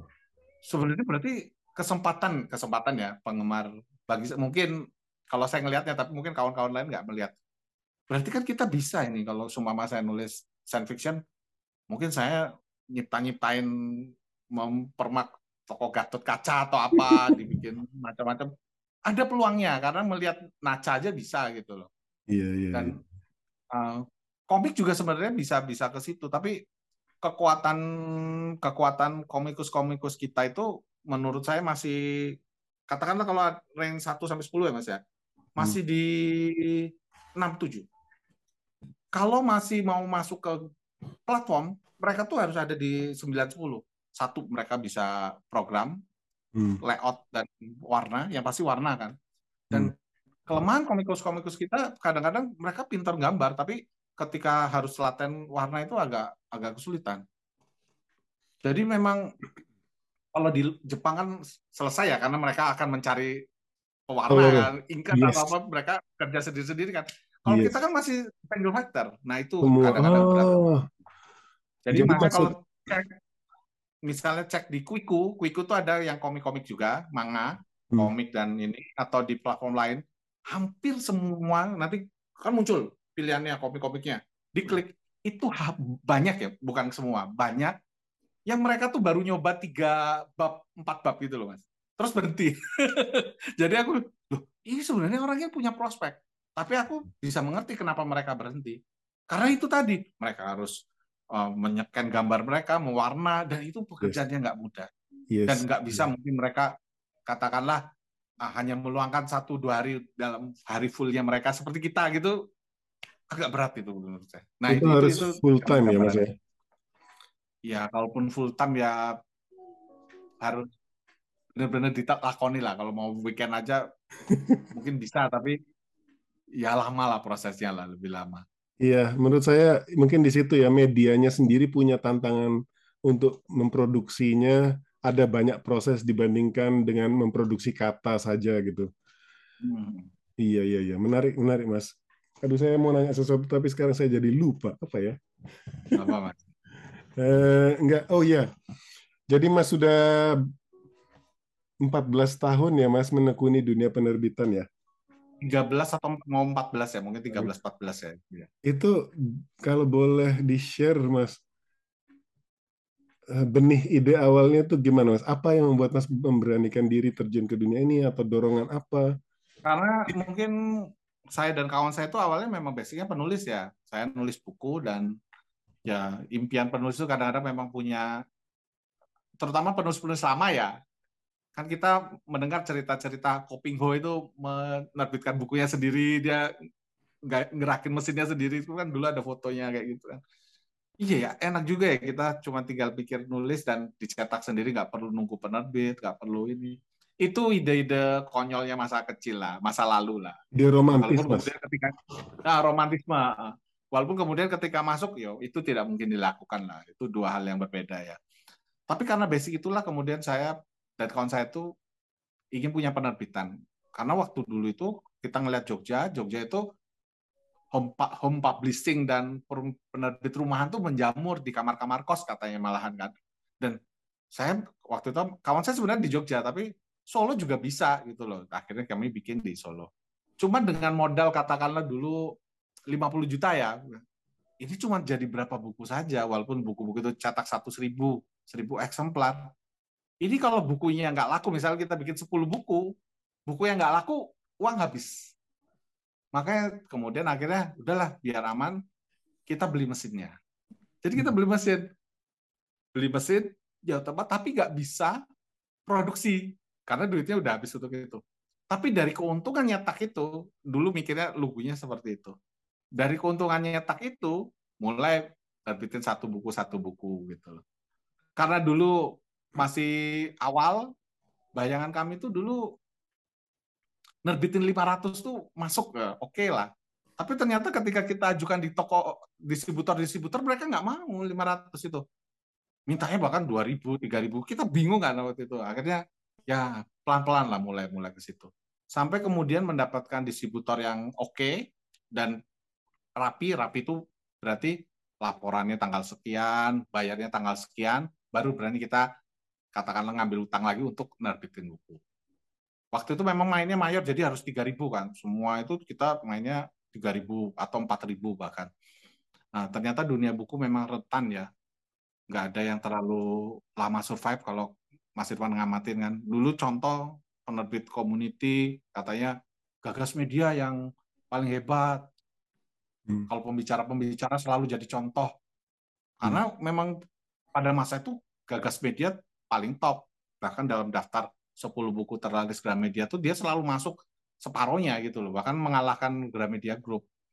Tapi periode itu pun ternyata cepat dilalui. Mungkin nggak nyampe 10 tahun udah udah berbalik lagi. Hmm. Cepat sekali lah. Buku-buku yang bestseller itu menghidupi buku-buku lainnya, tapi kemudian waktu akhirnya membuat buku-buku lainnya dan buku itu pun turun sendirinya.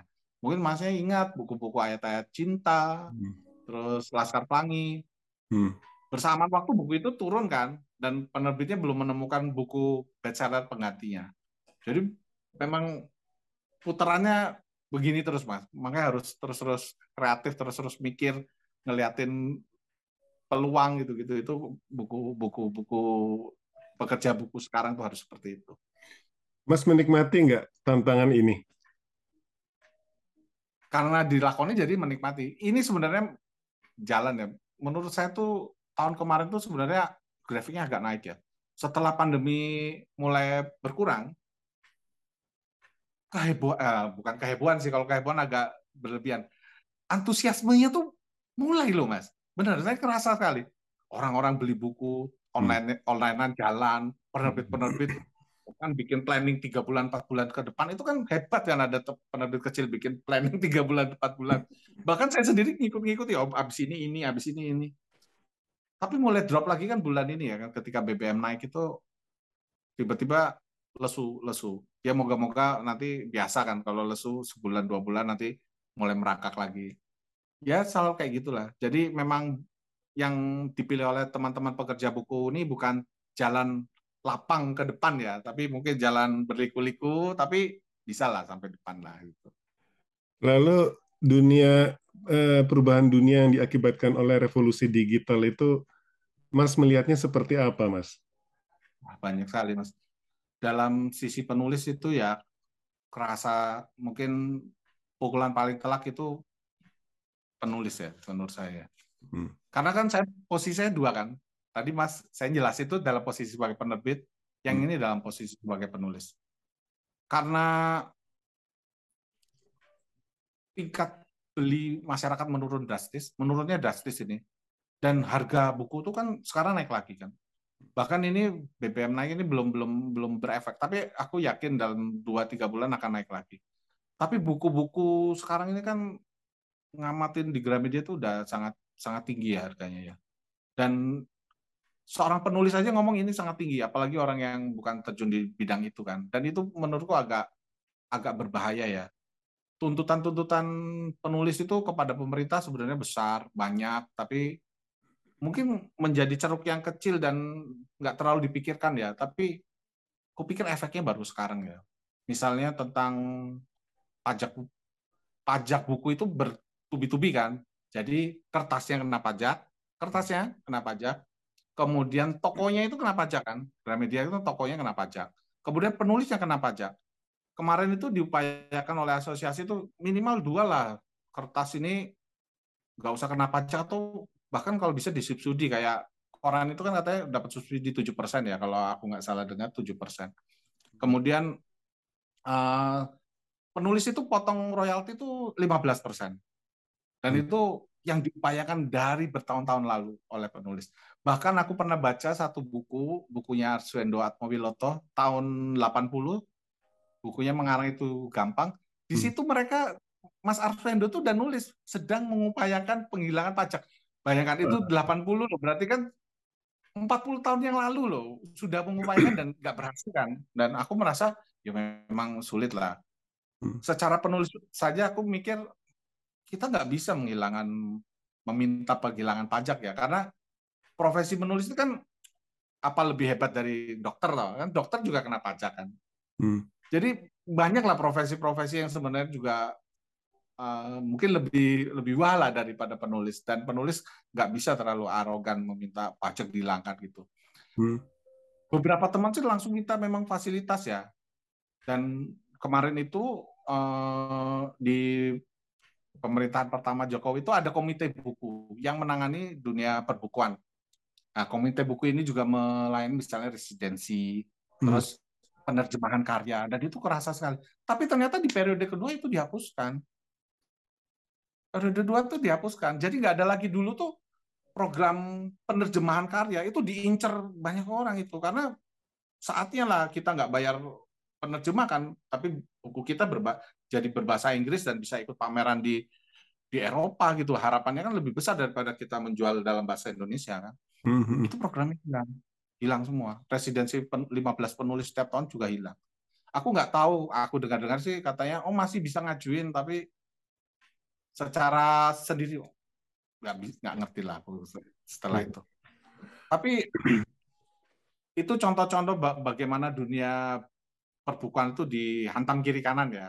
Hmm. Dan apa kalau masih ingat saat pandemi awal terjadi, bulan keempat kelima itu penerbit-penerbit besar ya itu sudah PHK editor, PHK banyak pekerja buku loh. Mm-hmm. Mungkin yang nggak kelihatan nggak kelihatan goya penerbit-penerbit kecil karena penerbit-penerbit kecil kadang-kadang cuman kayak saya ini cuma ada satu pegawai dua orang pegawai aja bisa lah kita melewati itu tapi yang penerbit besar yang ratusan pegawai mereka juga penjualan kan otomatis stop nol kan itu kan dan nggak mungkin mereka mengeluarkan uang tiap bulan untuk membayar yang nggak melakukan apa-apa kan. Hmm. Nah, efeknya itu adalah sampai saat sekarang sebenarnya kondisi sudah mulai membaik. Kalau menurutku loh, penjualan-penjualan juga kita dengar lah beberapa buku bestseller gitu loh. Misalnya kemarin aku dengar bukunya Boy Chandra terjual dalam tiga hari itu itu kan sebenarnya wah berarti ini antusiasme pembaca ini udah mulai walaupun memang itu masih sangat toko tokoisme ya. Boy Chandra, Terelie, hmm. Dewi Lestari, Andre Hirata itu masih tokoh-tokoh yang itu aja. Tapi setidaknya itu membuat antusiasme yang lain semakin percaya diri ya penerbit-penerbit yang masih menahan naskah itu saat ini bisa bisa mereka keluarkan. Yang saya tangkap yang saya tangkap nih mas sebagai pembaca yang tiba-tiba karena pandemi juga bikin eh, podcast semacam ini ya tanpa harus menyebutkan bahwa podcast juga menjamur nggak karu-karuan karena mudahnya. Saya melihat jadi banyak ada komunitas-komunitas yang seperti kita ini eh, ngobrolin buku dan sebagainya yang seperti Mas sama Mbak Tari eh, pernah buat juga Instagram Live. Itu kira-kira ada efeknya untuk menambah misalnya meningkatkan minat baca atau bagaimana, Mas? Kayak adanya fenomena Kalau Instagram. Selalu selalu berharap segala upaya itu selalu harus ada efeknya ya, berharap ada efeknya ya walaupun kecil ya. Karena ya memang hanya itu yang bisa dilakukan. Jadi ketika buku baru, misalnya apalagi yang di bawah pacar merah ya, ini secara tiga bulan ke depan tuh full acara, mas. Hmm. Bincang ini dengan ini, ini dengan ini dengan ini. Dan memang pada saat itu buku kita tuh kan di toko kan di Gramedia. Jadi upaya untuk apa penyebutan buku itu terus-terusan diupayakan selama tiga bulan ini karena nanti kan akan digantikan buku baru, ada buku baru mereka yang itu. Jadi buku kita nanti menunggu lagi. Ada proses yang selalu diupayakan dan aku senangnya penerbit-penerbit yang malahan katakanlah menengah kecil ini ya mereka malah lebih getol lebih getol bergerak kayak gitu karena mereka tahu bahwa buku tuh nggak bisa dibiarkan sendirian gitu loh misalnya dipajang di toko buku terus berharap orang lewat datang yang ke iya. toko buku aja sekarang karena pandemi kan sedikit sekali kan yeah. jadi mau nggak mau memang upaya-upaya terus-terusan seperti itu kalaupun pada saat itu buku tidak terjual tapi memori tentang oh buku itu dibicarakan sering kali itu menjadi nilai nilai nilai plus aku pikir kayak gitu ya dan itu hmm. memang sebagai penulis aku merasa itu hal yang harus dilakukan hmm. kalau saya mas merasa saya ingat dulu di tahun 90-an sebagai seorang pembaca itu berasa sendirian. Jadi ya paling ketemu teman di sekolah atau teman kita eh, bergaul yang suka baca dan itu pun nggak banyak satu dua. Sementara apalagi di teknik. Oh iya benar betul betul kayaknya aneh banget gitu loh. Ngapain baca buku fiksi, baca novel gitu loh. Terus satu modus saya untuk mencari informasi buku adalah dengan koran minggu. Jadi saya rajin tuh nabung untuk beli koran minggu ketahuan ya umurnya ya. Iya.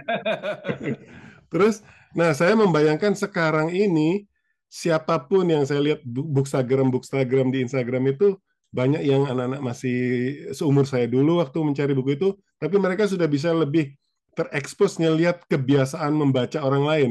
Entah itu benar-benar membaca atau sekedar memamerkan bukunya dalam foto, but at least gaungnya itu beda banget dari zaman saya uh, dulu itu. Saya sih optimis ya Mas, walaupun saya nggak punya skin in the game yang seperti Mas Yudi ya, tapi saya berharap at least kebiasaan membaca itu bisa survive dan akhirnya berkembang. Dan melihat banyak orang suka bikin Instagram live, saling ngomongin buku, saya berusaha mudah-mudahan dengan ini saya juga bisa melakukan itu juga gitu loh Mas. wow, hampir dua jam loh mas. Gak kerasa aku juga. Kayaknya saya pengen nanti uh, ngobrol lagi sama Mas Yudi, tetapi fokusnya mungkin ke komik atau ke sisi-sisi oh, yang lain. Menurut saya Mas Yudi ini uh, teman ngobrol buku yang menarik, yang maksudnya bisa saling melemparkan isu yang atau melemparkan hal-hal yang saya belum pernah ketemu atau saya belum pernah terekspos. Saya pengen tahu mas, misalnya uh, dunia komik dan sci-fi Indonesia, saya belum terekspos itu mas. Saya pengen tahu lebih banyak. Uh, gitu mas. Mas, mas di Solo, di, di Solo ya mas ya? Solo, ah, bukan Oslo. Beda dikit mas. Jadi ya gitu. Uh, waktu ke Jakarta sama ke Surabaya kemarin saya sempat juga ketemu Eh, teman-teman yang saya kenal online, akhirnya ketemu offline. Mudah-mudahan suatu saat saya bisa dari Oslo kita mampir ke Solo, ya Mas. Siap. Udah enak gitu. Oslo, Solo, Oslo, Solo. Eh, beda dikit. Closing remark nih Mas, kira-kira sebagai pembaca apa yang Mas pengen lihat di dunia perbukuan Indonesia mungkin 10 atau 20 tahun ke depan?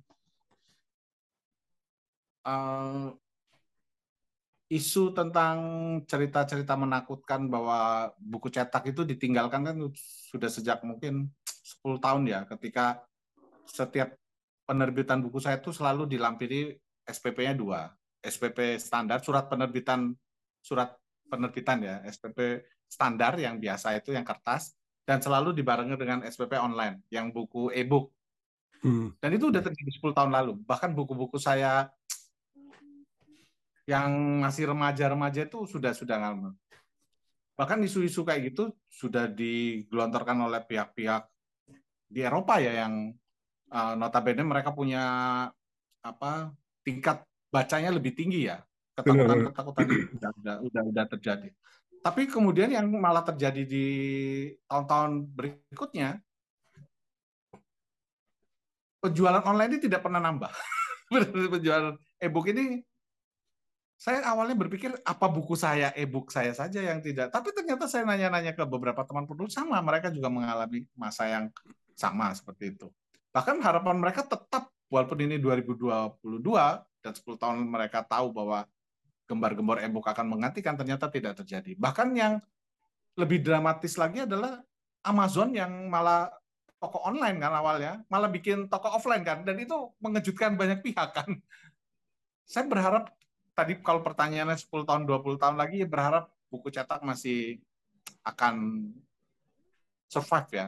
Walaupun mungkin kita akan lebih mendapat banyak pilihan dengan hadirnya platform-platform menulis yang semakin ke sini ini aku kok ngerasa semakin bagus ya, semakin berani ya. Enggak cuman isinya orang menulis karya tapi mereka juga mulai ada yang kurasi, mulai ada yang memberi memberi reward pada penulis itu itu mulai mulai mulai terbaca di peta akhir-akhir ini ya. Apalagi yang platform-platform dari katakanlah dari luar ya. Mungkin platform-platform Indonesia akan menyusul ya. Walaupun mungkin sebagai seorang penulis yang memulai dari koran akan merasa kehilangan ya koran akan akan makin kehilangan peminat dan apa sudah ya menurutku sudah sangat sangat sulit lah untuk untuk diselamatkan ya kalau koran ya. Yeah. Tapi dengan banyaknya media-media baru, mungkin uh, kita bisa lebih survive dan untuk penulis-penulis yang seumur aku tuh mungkin ya mau nggak mau kita harus ngikutin perkembangan ya. Kalau nggak masih bertahan pada seperti dulu kan kita akan lewat ya oleh penulis-penulis baru. Hmm. Ya harapannya itulah. Semoga bisa berjalan di banyak sisi lah penulis penulis-penulis sekarang ini bisa berjalan di banyak pilihan lah. Terima kasih Mas Yudi. Kalau ya. closing remark dari saya adalah ayo cari buku ini dan Oke, sesudah, sesudah membaca buku ini tolong desak penulisnya supaya bikin duologi eh, buku keduanya. Kalau bisa setebal ini ya Mas. Gak memungkinkan. ya, Terima kasih banyak Mas Yudi. Kalau mudah-mudahan ya, Mas Yudi nggak kapok ya. ngobrol sama saya. Oke. Semoga kita ngobrol oke, lagi. Siap. Oke, oke, siap. Terima kasih Mas. Sampai ketemu lagi. Ya.